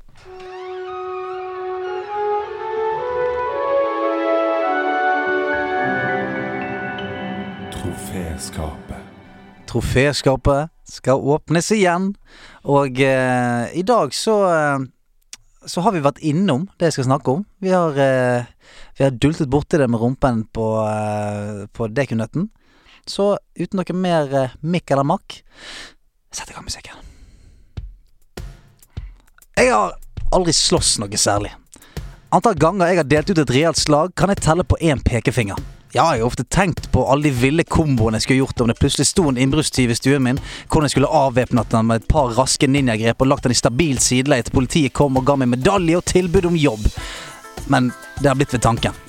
Når det er sagt, med, med en kontroller i nerven, så har jeg delt ut mer bank enn de aller fleste. Med mine trofaste kryss, runding, firkant og trekant, så har jeg sendt motstandere flygende i det feteste fightingspillet jeg vet om. Tekken. Det begynte for meg med Tekken 2. Spilte det utelukkende uten memory card, da 400 kroner, som det kostet, var hele årsbudsjettet mitt på den tiden. Gjennom arkademodus så kunne du låse opp masse nye slåsskjemper som Armor King og den altfor sterke Devil Gin, som kunne grille motstanderne med Supermann-lignende laserstråler fra øynene. Jeg hadde låst opp alle karakterene og lot PlayStationet mitt stå på i ukevis. Helt til min mor trakk ut alle kontaktene på rommet vårt for å flytte TV-en. Da var det like før jeg ble Devil Gin. Blikket sendte ikke ut laserstråler, men det skjøt konsentrert skuffelse og sinne rett i fjeset på min mor. Hun skjønte ikke hva hun hadde gjort, stakkars, men jeg forklarte henne pent at da hun trakk ut kontakten, så forsvant ikke bare strømmen, det gjorde de to siste ukene mine også. Det stoppet meg selvfølgelig ikke for å gjøre det hele en gang til. Wrestleren King var den karakteren jeg likte best. Grunnen til det var at min far, som er tidligere bokser, fortalte meg at den verste fighteren å møte, det var en bryter. Hvis en bryter fikk tak i deg, så var du ferdig, sa han. Dette var også sant om King. Om du først fikk has på motstanderen, så fantes det gripekomboer som gjorde at du kunne sluke hele livet deres uten at de fikk trykke på så mye som en knapp. De ble bare hjelpeløse tilskuere til sin egen karakter som ble brukt som et sopelime bort etter gulvet. Og folk som spilte law, der mildt sagt Bruce Lee-inspirerte kung fu-spesialisten, de hatet deg. De kunne bare ett angrep, og det var det vanvittig irriterende saltosparket hans. Kryss og runding samtidig. For et jævlig angrep. Dette ble utgangspunktet for mange krangler i guttegjengen. Slutt å være feig, da! Ikke lov å spille lå! Den krangelen skulle blusse opp igjen da Tekken 3 kom. Det kom med et godt knippe nye karakterer, annet en capoeira-dansende bajas med raske shades og dreads. Eddie. Jeg tipper de fleste av dere grøsser bare sier navnet hans. Eddie var laget sånn at en blind sjøløve kunne spilt han og vunnet. Uansett hva du trykket på, så spant Eddie rundt som en jævla Bayblade og var mer uforutsigbar i bevegelsene enn en drita mann på skøyter. Jeg har ikke et tall på hvor mange ganger det kokte inni meg når lillesøsken og jenter fra klassen bare dunket inn alle knappene med håndflaten sin og knuste meg. Jeg fikk bare lyst til å skrike. Men det er jo ikke sånn man spiller dette spillet her! Du vet jo faen ikke hva du gjør på! Men alt i alt så har jeg kost meg i hæl med Tekken. Jeg har sittet i timevis i practice og øvd inn komboer. Jeg har spilt alle Tekken-spillene og spiller det den dag i dag, og jeg syns fremdeles det er tidenes fighting-spill. Jeg har delt ut så mye juling i dette spillet at noe i meg faktisk tror jeg skulle klart meg i en ekte slåsskamp. Så lenge jeg ikke hadde møtt en som drev med capoeira, selvfølgelig. Men jeg er en lover, not a fighter, så jeg holder hongemengen i cyberspace enn så lenge. Men hvis en eller annen dude prøver seg på datteren min når hun blir 17-18 år, så kan det være at han får seg en høyre-venstre, skrått ned til venstre, ned, skrått ned til høyre, høyre firkant rett i nebbet. For de som spiller King her, så vet jeg hva jeg snakker om. Tusen takk, Tekken, for at du ga oss pingler i en arena å dele ut litt smekk på. Ja, ja, ja, ja, ja, ja, ja, ja, Det var deilig! Det traff meg, det traff meg. Ja. Eh, Det, å, det traff meg. Ja. Jeg ja. kjenner, Å, fy faen! Jeg blir så sur. Å få noen på besøk som ikke kan en dritt om Tekken, og så skal de spille Eddie. Ja. Tekken 3. Yoshimitsu bitches. Åsa! Harakiri. Opp med i det helikopter og rett ned. Og, ja. Skrått opp firkant. Spillklubben med nederlandslaget. Spillklubben med nederlandslaget. Spillklubben det landslaget Spillklubben med nederlandslaget. Spillklubben Evening, Walt Hunters. Ah, let me tell you a story about Pandora. Vi har vært på en planet. Vi skal snakke litt om det nå, men hva i all verdens navn er det du har i det stettglasset ditt, Andreas? Jeg har olje rett fra trucken til Ellie blanda med Smirnov Ice. Ai, ai, ai, ai, ai. Pingledrikk. Du da, Hasse Hopnes. Jeg har smeltet om masse kuler til å bli flytende, og det er vondt å drikke. Ah, jeg har tårene til Maliwan-soldater nedi her. Det Eh, er så gøy, og det koker, og jeg ser at du har hengt opp masse decorations rundt uh, i spillklubben. jeg har brukt noe Iridium. Der borte er det et Moxie-skilt. Yes, sir. Og hun er hot, hot, hot! Hun er det. Og der borte så henger det et sånt svært dekk. Hvor har du fått det fra? Du, det har jeg eh, knust uh, noe forbanna kjøretøy på. Ikke spør så mye hvor jeg har decorationsene mine fra. Ja, ja, vi har vært uh, og huntet loot og uh, fjernet hoder i Pandora den siste uken. Å gud bedre så kjekt det har vært, syns jeg. Ja. Ja. Borderlands 3 har vært spillet i spillklubben denne uka. det. Og for de som ikke kjenner til Borderlands 3, så har vi jo alltid en slags introduksjon. Mhm. uh, for det har vi fått spørsmål om. Sånn, husk å si det, for jeg kjenner ikke til. Ikke sant? Ja. Så Borderlands 3 det er en looter shooter, og det seiler faktisk under flagget The Original Looter Shooter. Det ser jeg at de markedsfører det som på Ja. Xbox. Uh, og en looter shooter det er et action-rollespill, skytespill. Ja, rett og slett. uh, I Borderlands 3 så spiller man en historie i en åpen verden. Uh, enten alene eller med venner. Og så jobber man for å få eh, gå opp i level, for å få kulere, bedre våpen, utstyr. Og Borderlands-serien da, i, i denne sjangeren den er spesielt kjent for humor. mm. eh, både i historien, men også i karakterene. Og den grafiske stilen, som er holdt i en sånn tegnefilmaktig Yes. stil. Eh, som kalles for cell-shading. da. Mm. Og humoren og hele universet er, ble kjent og er kjent for å være over the top i alle mulige uh, Altså i alle på alle mulige måter. Altså, Karakterene er helt crazy. Humoren er helt crazy. Våpen er helt crazy. Bare sånn I toeren så kan du få en hagle som skyter sverd. Eh, og det er, det er der vi ligger. Det skal være maks crazy hele tiden. Alle karakterene er på en måte skrudd opp til 11. Hvis det, er noen som er, hvis det er noen som er veldig emo, så er den ekstremt Mm. emo. Eh, så det er ikke sånn at alle er crazy og løper rundt og sier Det er ikke sånn, men alle er bare så veldig skrudd opp til 11, liksom. Ja. uh, ja. Ja, Veldig tydelige karakterer. Veldig tydelige. Veldig, Mm. veldig tydelige. Uh, og jeg, jeg var redd, for jeg, hadde, jeg var dum å lese noen anmeldelser, og der var det mange som sa sånn Ja, men det er det, er det samme greiene. Men det tenkte jeg sånn Ja, men det er jo det jeg vil ha. Og min opplevelse var å gå inn og få det eh, litt sånn som jeg ønsker jeg kan få med eh, Final Fantasy 7. eh, remaken. At sånn Dette er det jeg elsker, og nå får jeg mer av det. De har ikke gjort noe kødd for å fucke opp det som jeg liker.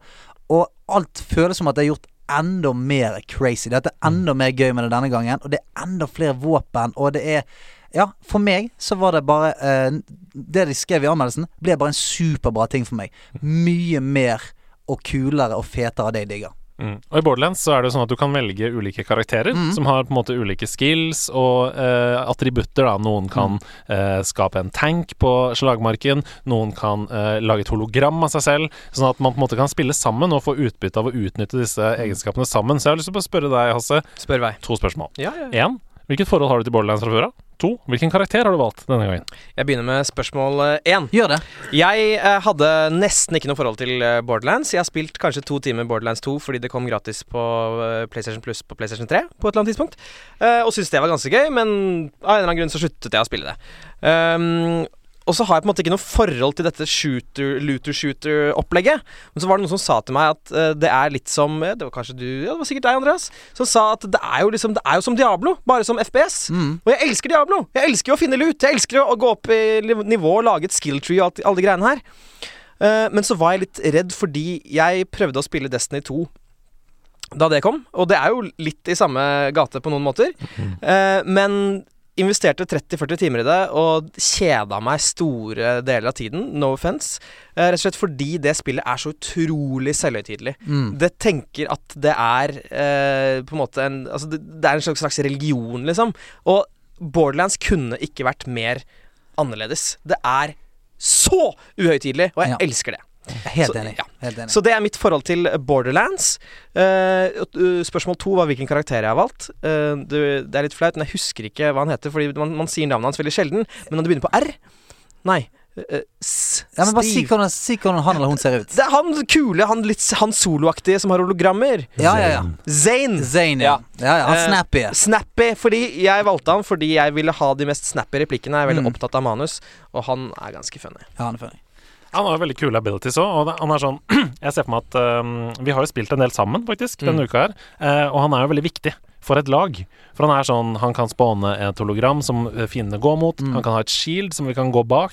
Så det er liksom sånn han er, Og han har flere abilities. Han kan, han kan gi vekk grenades for å isteden ha to Ah. abilities.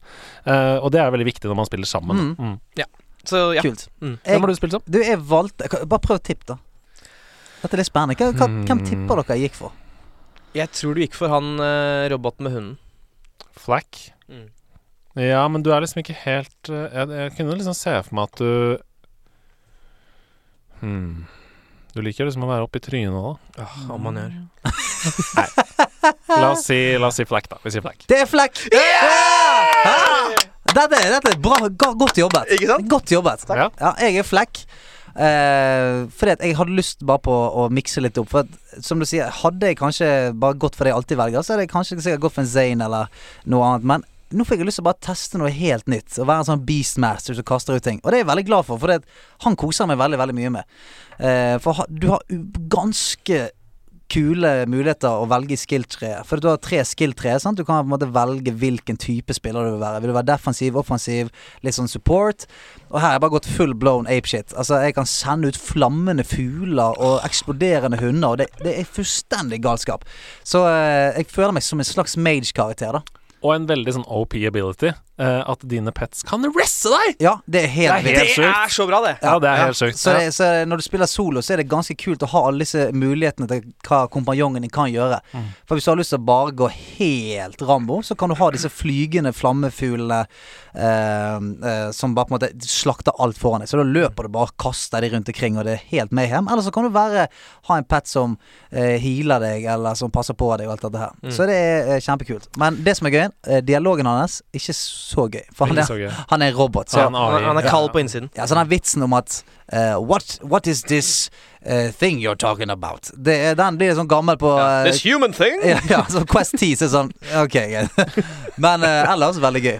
Ja, ja, det er gøy at du sier det på den måten, for jeg hadde det på nøyaktig samme måte som deg, nemlig. For jeg har jo sverget til Sirens Ja. i, i uh, Borderlands-universet. Jeg har vært Sirens opp igjennom og blitt veldig sterkt knytta til den måten å spille på, og de, uh, den lauren deres, da, og karakteren Mm. deres. Og tenkte nå skal jeg være noe annet. Ja. Nå skal jeg ikke være Amara the Siren. Jeg kommer til å spille om hele spillet, som han sa nå. Men uh, jeg har valgt Mose, som er The Gunner. Ja. uh, med denne tanken som hun kan spåne. Føler meg som diva, føler meg som diva, føler meg som diva. Nei, jeg men den, den ser Altså Hver gang jeg grouper opp med noen som spiller den, så blir jeg alltid sånn ah, Hvorfor valgte jeg ikke den? Ja, ja, men det er akkurat det! Vær forberedt på det, folkens. Hvis dere spiller med noen som har det, dere kommer til å angre. Fordi det ser så jævlig fett ut å være ja, den, rob- i den der tanken. Altså, det er så fett. Det er så fett. Og det er så fett fordi eh, jo mer du spekker dette skill-treet, da, jo- mindre fuel bruker du, eh, jo mer skade tåler den. Du kan installere en stol så kompisen din kan hoppe opp på tanken og sitte og skyte sånn her rapp, rapp, rapp, Er med turret fra ryggen til tanken. Å, det visste jeg ikke. Eh, og den er så Det føles nesten OP, fordi det er sånn Nå har jeg den liksom i Jeg har den i mange minutter Ja. av gangen. Den Det er tanken. så dumt, det. Og det er bare sånn Oi, oi, oi, oi. Og jeg har, jeg har homing missiles som bare Fy? Nei, nei, nei, nei. Ja, Men hør hvor gøy det er! ja, det er Ja, helt ja, for det- Jeg har groupet, og så ser jeg bare Jeg står og sliter der og kaster fugler. Og jeg, er altså, jeg stresser. Jeg jobber jo på det. Og så er det en fyr som bare gung. Ok, nå er jeg uh, Optimus Prime. Nå går jeg bare rundt og sprenger alt og flyr og Ja. Ja. Men betyr dette at, at for veldig ferske spillere, kanskje folk som ikke spiller som i FPS, så er det lurt å spille den karakteren? Ja, enten som uh, Mose, uh, The Gunner, eller så vil jeg kanskje si som Flack, The Beastmaster. Ja. Fordi uh, beastene kan reste deg. Du kan stå litt på avstand, snipe, mens de gjør grovjobben, de petsene. Mm. Uh, men jeg vet ikke, hva tenker du? Ja, Hvis du har lyst til å føle deg mektig med en gang, så ser du som den uh, Mose-karakteren er kul. Hvis du å bare gå rett inn og føle at du er king shit med en gang. Mm. For Fleck er jo litt mer sånn uh, sårbar. Grunnen til at du har petsene, er for at du trenger litt av den hjelpen noen ganger. Ja. Sånn at uh, du er litt avhengig av de noen ganger. Mm. Sånn som jeg merker at uh, jeg, jeg bruker mest de fugler. Du kan skyte ut fugler som et slags homie missile, som går og tar folk. Jeg ofte må gå i cover for å vente på at de kommer Ja, på skjønner, igjen for å, hive meg rundt. Så jeg skulle mye heller uh, gått rundt der som han psykotenken og bare yeah, yeah. Ja, for det er litt sånn Når man aktiverer den abilityen, så føles det game changing Ja, med er en gang. Det er sånn Nå har jeg 10 HP igjen. Jeg trykker på den. Ja. Og så har jeg plutselig fullt liv. Og når jeg Mm. kommer ut av tanken igjen, så har jeg fullt liv. Så det er sånn Det er en slags res også, hvis du er flink til å følge med på helsa di, da. Ja.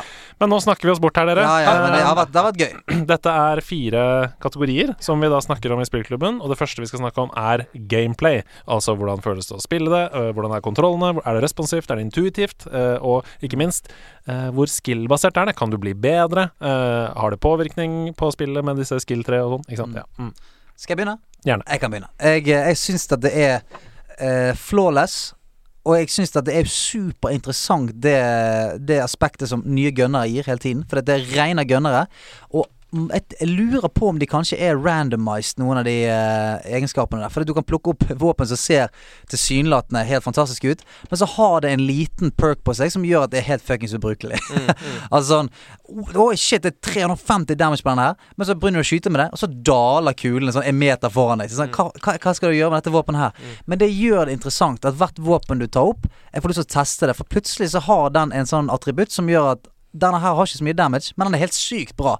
Uh, så den, uh, den spenningen og interessen til å få ny loot hele tiden, den, den er der til stede hele tiden. Og gun-feelingen på de fleste guns er fantastisk. Og noen gunner du plukker opp som du blir forelsket i, er sånn her har du gunneren for meg. Her er han. Noi Oi, nå har jeg funnet det. Og så finner du gunneren som bare Å nei, nei, drit i den andre. Her er vi! Så hett tips, uh, som jeg har driti meg ut på et par Ja. ganger i Borderlands-serien. Uh, hvis du plukker opp en ny gunner som er kanskje 10 eller 20 da i item score bedre enn det du hadde, Mm. og så bare å fuck, jeg tar den, og så selger jeg den andre med en gang.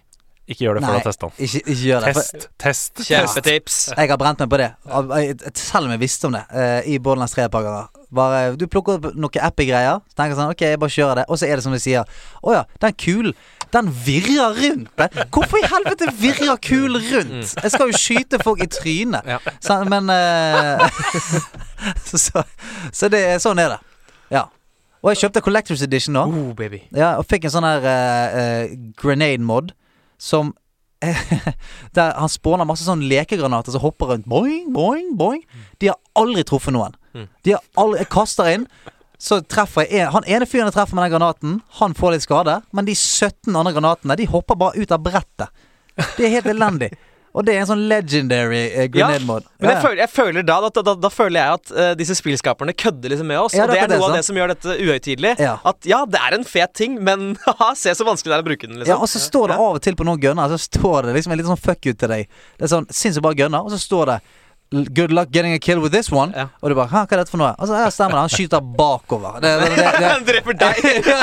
Så, sånne ting som er- gøy, Ja. uh, og, og gjør spillet sånn konstant interessant hele tiden. da Og sidequestene føles ut som mainquest veldig ofte. Så det, er Ja, hvert minutt for meg i det spillet. Jeg, ikke, jeg, tror ikke jeg har lagt ned så mye som ti timer ennå, men jeg koser meg hele tiden, altså.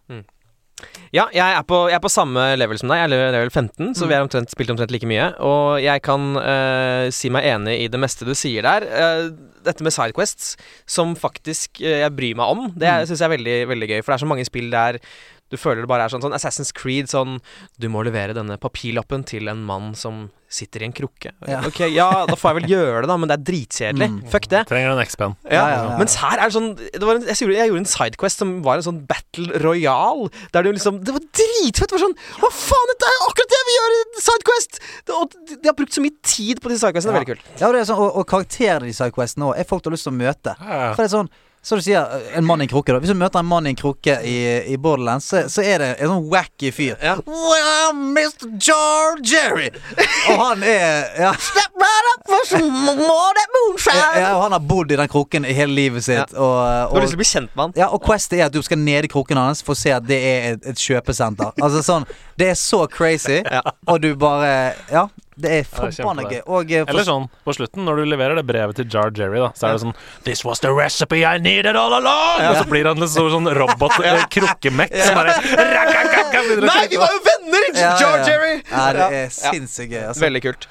Uh, jo, og uh, kontrollerne er veldig responsive. Uh, for en som ikke har spilt noe særlig Borderlands, veldig intuitive eh, action, lett å komme inn i. Um, og til og med Jeg skjønner jo ingenting av historien her. Fordi jeg har ikke, jeg har ikke sett meg opp. Det finnes videoer på YouTube som er en og en halv time lange der du kan Mm. se det opp på, på én og to. Har ikke gjort det, men det, det gjør meg ikke egentlig så mye. Jeg trenger ikke skjønne absolutt alt, fordi det er så bra skrevet at jeg likevel bryr meg om enkeltmissionene. Eh, så det er stort sett veldig, veldig bra. Noe jeg krongler litt med, er For meg er ikke menyene intuitive nok. Eh, fast travel Jeg roter veldig mye, og selv etter å ha spilt i ti timer, så kunne det vært litt uh, lettere. Ja, det er, det, er, det er faktisk det eneste. Men det, der har liksom Borderlands bare holdt på den samme gamle menyen, som alltid har vært litt sånn kødden, syns jeg. Mm. Men, men når det sitter, så sitter det på en måte. Det gjør det og, og det er en, en veldig stor quality of life-oppgradering i dette spillet. Det er at du trenger ikke å gå til en fast travel station for å fast travele, Ja, som du måtte gjøre i de andre. Ja. Og det er jo bare helt sånn Åh, for en som har spilt eh, hundrevis av timer i Borderlands 2, så er det jo en nydelig oppgradering. Ja, det er derfor Noen ganger så fighter du gjennom en slags instance. Altså, Ja. du har kronglet deg gjennom hundrevis av uh, kjeltringer. Kom til slutt når du skulle plukke en kiste. Og i, i toeren og eneren så var det sånn Ja, da er det bare å komme tilbake til meg, da. Og så må du gå tilbake igjen. Det er et helvete. Litt sånn Red Dead Redemption 2-aktig. Det, å gå det å gå tilbake i spill er generelt dritt. Ja. Ja, det er dritt. Det Nei, uh, gameplay. Mm. Hva skal jeg si her, da? Eh, altså For meg så er liksom det er Gameplayet i, i Borderlands 3 Det er noe av det beste jeg vet om i spill, generelt. Det er liksom sånn Du blir bedre og bedre etter hvert som du spiller det. Eh, det er så mange veier å gå. Jeg kan begynne Altså, nå er jeg level 25. Oi, oi, oi, oi, oi. Jeg er på siste mission. Oi, oi, oi. Hæ? Jeg er på siste story mission. Da, du, du har jo fått deg en uh, 25 timer, du. Vi kommer tilbake til det Ja. under innlevelse. men, men uh, ja. Det er så mange veier å gå. Jeg vet at når jeg er ferdig med dette spillet, så kommer jeg til å starte med en ny karakter. Mm. eh, fordi jeg har lyst til å se hvordan det er. eh, og jeg, jeg, altså, jeg kommer til å respecke Mose, bare for å se et annet skill-tre innenfor Mose. Yes. Og det er så kult at det er så mange muligheter jeg kan gjøre. Og det er liksom sånn Jeg, jeg koser meg med gameplay hvert eneste sekund jeg spiller. Så Samme ja. Karakter? Samme. Vi, eh, vi skal gi 0 til 25 i hver kategori. Definitivt. Mm. Du, jeg sliter veldig med å ikke gi dette bare full pott, altså. Mm. Det er 25. Eh, per dags dato så er dette en 23 for meg. Det er helt Men, eh, det tror jeg er godt mulig at det kan bli 25 når jeg kommer meg litt lenger ut i spillet. Det er 25 for meg. Ja. Ok. Uh, det er full score der, altså. Ja. Innlevelse. Det er altså glemme tiden-faktor, eller story, hvis det er story, Mm. uh, som du var litt inne på her i stad. Mm. Jeg kan begynne. Ja. Uh, jeg spilte ti timer på lørdag. det er så gøy. Jeg spilte ti timer. Ja, det er, det er fantastisk. Uh, jeg elsker historien, og det gjør jeg jo fordi jeg kjenner karakterene fra før av. Og fordi jeg bruker liksom Jeg, jeg, jeg prøver virkelig hardt da å leve meg inn i det. Mm. Uh, og det, det er liksom sånn Det tror jeg Vi har snakka litt om det, altså, at Borderlands 3 er to helt forskjellige opplevelser om du spiller det med venner, eller om du spiller det alene. Mm. For Hvis du spiller det med venner, og dere er tre stykker, så er det sånn Nå gønner vi inn, og så bare fighter vi, og du gjør det, bla, bla, bla. Og så glemmer man å høre litt etterpå hva karakterene er, fordi man snakker sammen på Discord, eksempel, Mm. og man glemmer å følge med. Men når du spiller det alene, helt alene, så er det noe helt annet. Du sitter og kan snakke med noen, du hører på hva folk sier, du får med deg alle de små jokesene. Ja, ja. Uh, så jeg har spilt uh, ca. 50% med venner. Nei, 30% med venner og 70 alene. Um, og jeg glemmer tiden som jeg ikke gjør i noen andre spill. Jeg vil bare mer hele, hele tiden. Jeg vil videre. Jeg har tatt alle Sidequests Oi, som, som jeg har kommet over. Altså inntil dit jeg har kommet i spillet. da steike! Fordi jeg vil ikke bli ferdig. Nei, jeg bare, og jeg elsker alle sidequestene. Jeg elsker historien, jeg elsker karakterene. Jeg, jeg kan bare gi det 25. Nei, ja. Så, Nei, jeg, jeg, eh, jeg også sliter med å være noe hard her, altså. Fordi at du kan si hva du vil om den The Grand Story. Jeg syns den holder nok for meg, altså. Men bare det der at det er små historier rundt, og, rundt omkring som jeg har lyst å nøste opp i. Det er det som uh, selger hele greia for meg. At uh, uh, Ja, er helt inn på dette, the grand mission, skal, det skal du klare. Men han er Jar Jerry som vi snakker om, da. Jeg har, jeg har lyst å se hva er det han er ute etter, og hva er hans historie? Hvorfor gjør han dette? Hvor ender dette? Og sånn er det med alle sidequestene og, og alt som jeg er som jeg, har lyst til å vite hva alle karakterene sin, eh, sitt motiv er. Fordi plutselig så går du bare forbi en bar, da. En tilfeldig bar. Mm. Og så henger det der en lapp på veggen hvor det står 'Kill Killavolt'. Ja, ja, ja. Står det på den lappen. Og så er det sånn 'Kill Killavolt. Ja. Det høres ut som det feteste missionet i noensinne. Og det er bare et side mission. Og det er et enormt Ja, ja. Missionet varer i to timer! Ja, jeg det vet. side. Jeg, eh, jeg, jeg, dre- ja, jeg gjorde det i går, og det Fy faen, jeg koste meg så intenst. Altså, det er så gøy, og det Og det actionet Det er det som òg gjør at jeg glemmer tiden. Det er fakat meg action hele tiden. Mm. Altså Spesielt i det missionet vi snakker om nå. Det bare renner folk ut av, av veggene. Du skyter i, ett sett. Altså, det Og levelene dinger av gårde, Ja, ja. og XP-en går i været, og du får nye måter å spille på. Og hver gang du har et nytt skill point i treet, så forandrer hele spillet seg, og det er bare ja, Nei, helt eh, Nei, 25. Jeg heter Hasse, og jeg eh, skal nå snakke om min eh, følelse mm. om eh, innlevelse. Og jeg, jeg er jo den av oss som ikke har noe eh, forhold til eh, Borderlands fra før av. Så det som trekker noe ned for meg, er nettopp dette at Jeg har ikke det store bildet. Jeg vet ikke helt hvorfor disse fraksjonene kjemper mot hverandre, og hvem er Sirens og alle disse tingene her. Men det er også litt min feil. Eh, jeg kunne satt meg mer inn i det. Samtidig så Ja. er det sånn at uh, du snakker om dette spillet fra din opplevelse. Mm. Du har ikke spilt noe annet, og Borderlands 3 er et produkt på markedet som Mm. du kan gå og kjøpe i butikken, og da må du snakke om det fra din opplevelse. Ja, Så- da gjør jeg det. Da trekker jeg tilbake den disclaimeren der. uh, men som du er inne på, eller som begge to er inne på, så er det noe med det å gjøre at hvert mission føles uh, viktig. Og hvert, hvert sidequest føles viktig og gøy. Mm. Og jeg blir oppriktig liksom oppslukt av absolutt alle disse små missionene. Og ikke minst så får jeg denne følelsen som jeg ikke har hatt siden jeg spilte Diablo, nemlig at jeg vil spille en time til fordi jeg vil finne den råeste gunneren. Jeg vil teste ut denne måten å spille på. Eh, Nå har hologrammet mitt eh, fått en atombombe som gjør at jeg kan Altså, det er så mye greier! Så jeg oppslukes og glemmer tiden, og er det ikke akkurat det vi er ute etter, folkens? Jo. Mm. Så det blir 23 på den også. 23 Ah, på den også. Okay. ok. Jeg må bare si en liten ting her. Ja. Fordi, og nå vet jeg ikke om dere har oppdaget dette, da, men dette spillet har mer å by på enn man tror ved første øyekast. De sier så. Fordi eh, nå i to av verdenene Så jeg var ferdig liksom med å gjøre alle sidequests og sånn, så ser jeg sånn Hæ, der er det et grått felt på kartet. Der har jeg ikke vært. Vil ikke si noe mer enn gå dit. Ja, sant. Gå dit der det er grå felter på kartet. Mhm. Will do. Um, vi Same. opplevde jo en gang med ja. Ja, vi, vi gjør noe greier. Altså. Men uh, nå, dere. Ja. Nå kommer det en liten vanskelig kategori. Fordi den heter lyd og bilde. Uh, Ja. Musikk, grafikk, teknikk Mm. heter den. Um, jeg bare kjører på, jeg. Ja, kjør på. Jeg har alltid vært veldig sånn svak for Pandora. Jeg har vært veldig svak for verdenene man besøker i Borderlands-universet. Jeg syns det er liksom kult og fargerikt, og som dere er inne på her, jeg har lyst til å finne ut av alt og, og se universtegn og sånn. Eh, Det er en helt egen stemning. Så jeg blir liksom sugd inn i det grafiske. Jeg syns musikken er dritfet. Mm. Det, blir, eh, det understreker action. Alle områdene man går i, er liksom sånn Å, her er det øde, eller her er det sånn, sånn. Eh, Så jeg syns lydbildet og sånn er perfekt. Så jeg har bare lyst til å være der inne. Ja. Um, det er det jeg vil si om det. Ja. Eh, men jeg vet jo at en del folk har hatt en del tekniske problemer med dette spillet. Okay. Har dere hatt det? Nei. Nei. Ingenting. Nå, kom, nå, nå, kommer, nå kommer kontroll, Andreas. Hold dere fast. Nei, fordi jeg eh, det, Ikke sant? Fordi når det gjelder det tekniske, da, så må jeg gjøre bare akkurat sånn som jeg gjorde med Control sist. Slakte det. Dømme ut ifra min opplevelse Ja, ja. på PS4 Pro. Og min opplevelse på PS4 Pro er feilfri. Å Jeg har ingen problemer Oi. med Borderlands 3. Se der, du. Mm. Jeg hadde masse problemer med Control. Jeg har ingen problemer med Borderlands 3. Eh, altså, spillet har krasja én gang, og det var da jeg skulle gå ut av en gjeng. Vi var tre stykker som hadde spilt sammen, og så skulle jeg gå og spille solo. Eh, da krasja det. Eh, og det er den ene gangen jeg har opplevd det. Og så er det liksom sånn, rett etter at man har fast travela, så kan menyen være litt treig. Men da kommer det gjerne opp sånn Can't open echo-menu, eksempel, midt på skjermen. Mm. Så det er sånn Spillet sier fra, da. Sånn, bare la meg chille meg jobbe nå. litt, ja. Ja, så, og jeg, jeg opplever ikke det som noe problem. Jeg tror PC-spillere har hatt større problemer, egentlig, enn pleier å enn være motsatt. PlayStation-spillere. jeg, jeg spiller på PC, jeg har ikke fått opplevd noe. Nei. Og, og PlayStation 4-en min letter ikke fra stua. Det er liksom ikke masse klikking og sånt.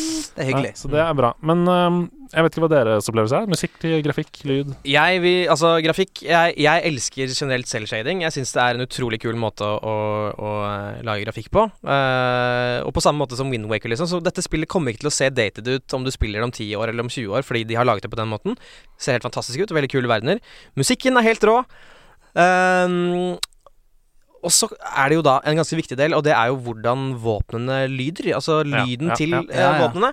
Og jeg syns det er bra.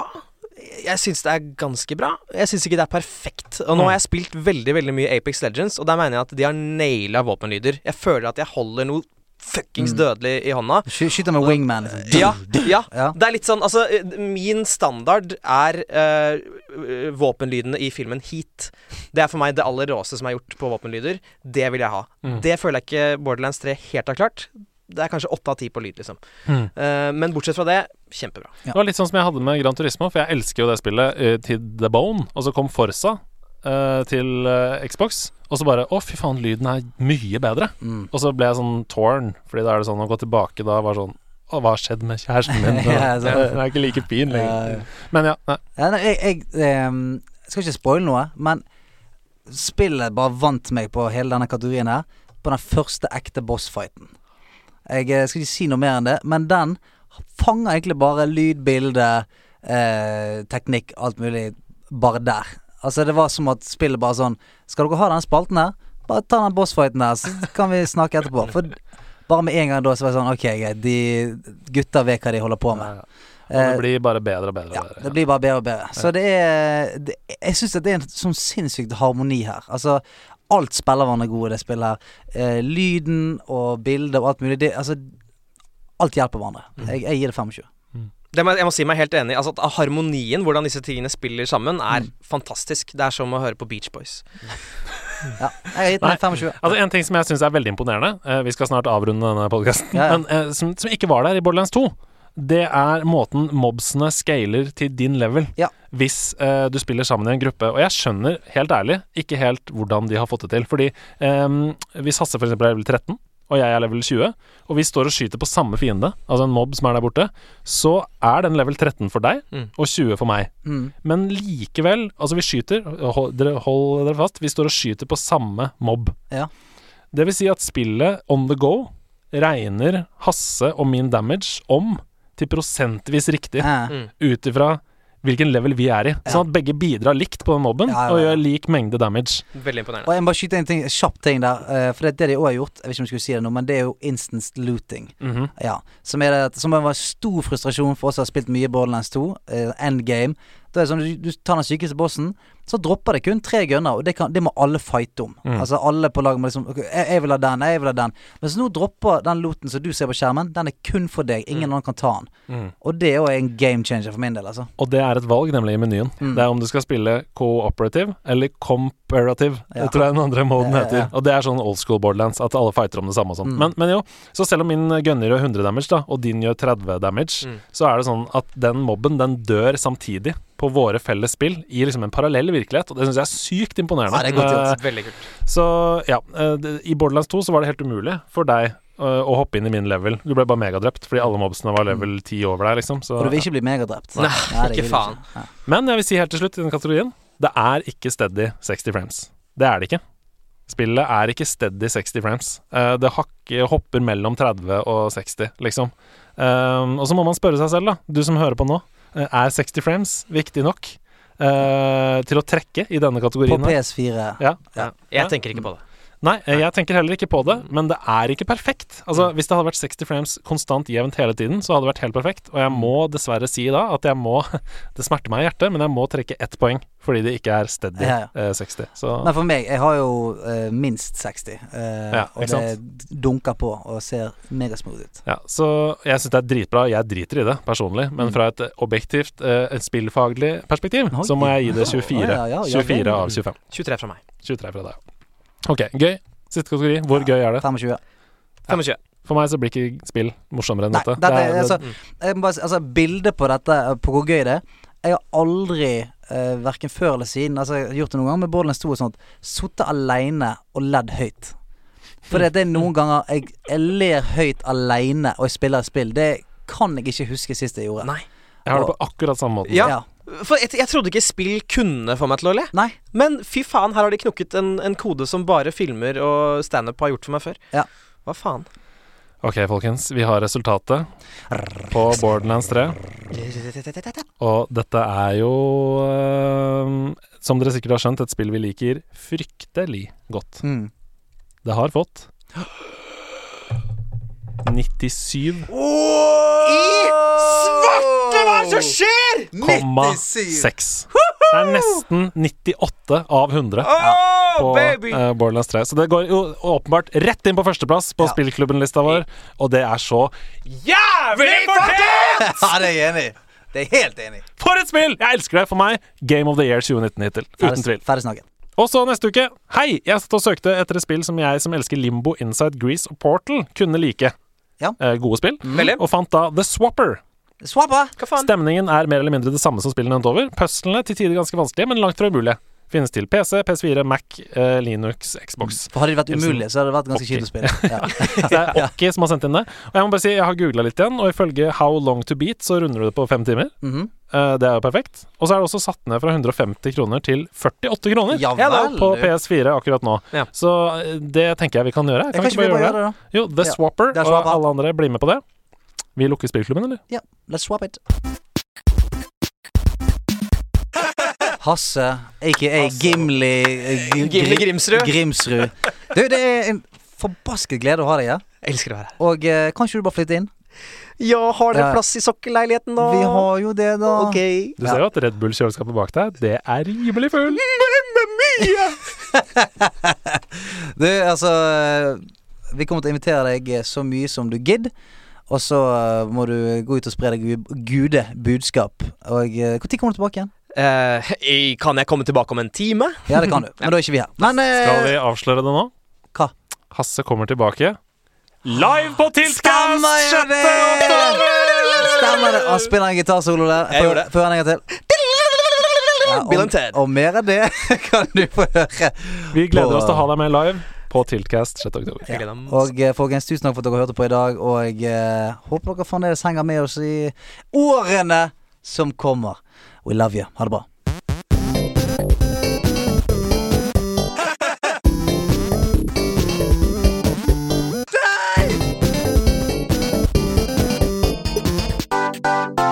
Nordlandslaget. Den er god! Den er gøy.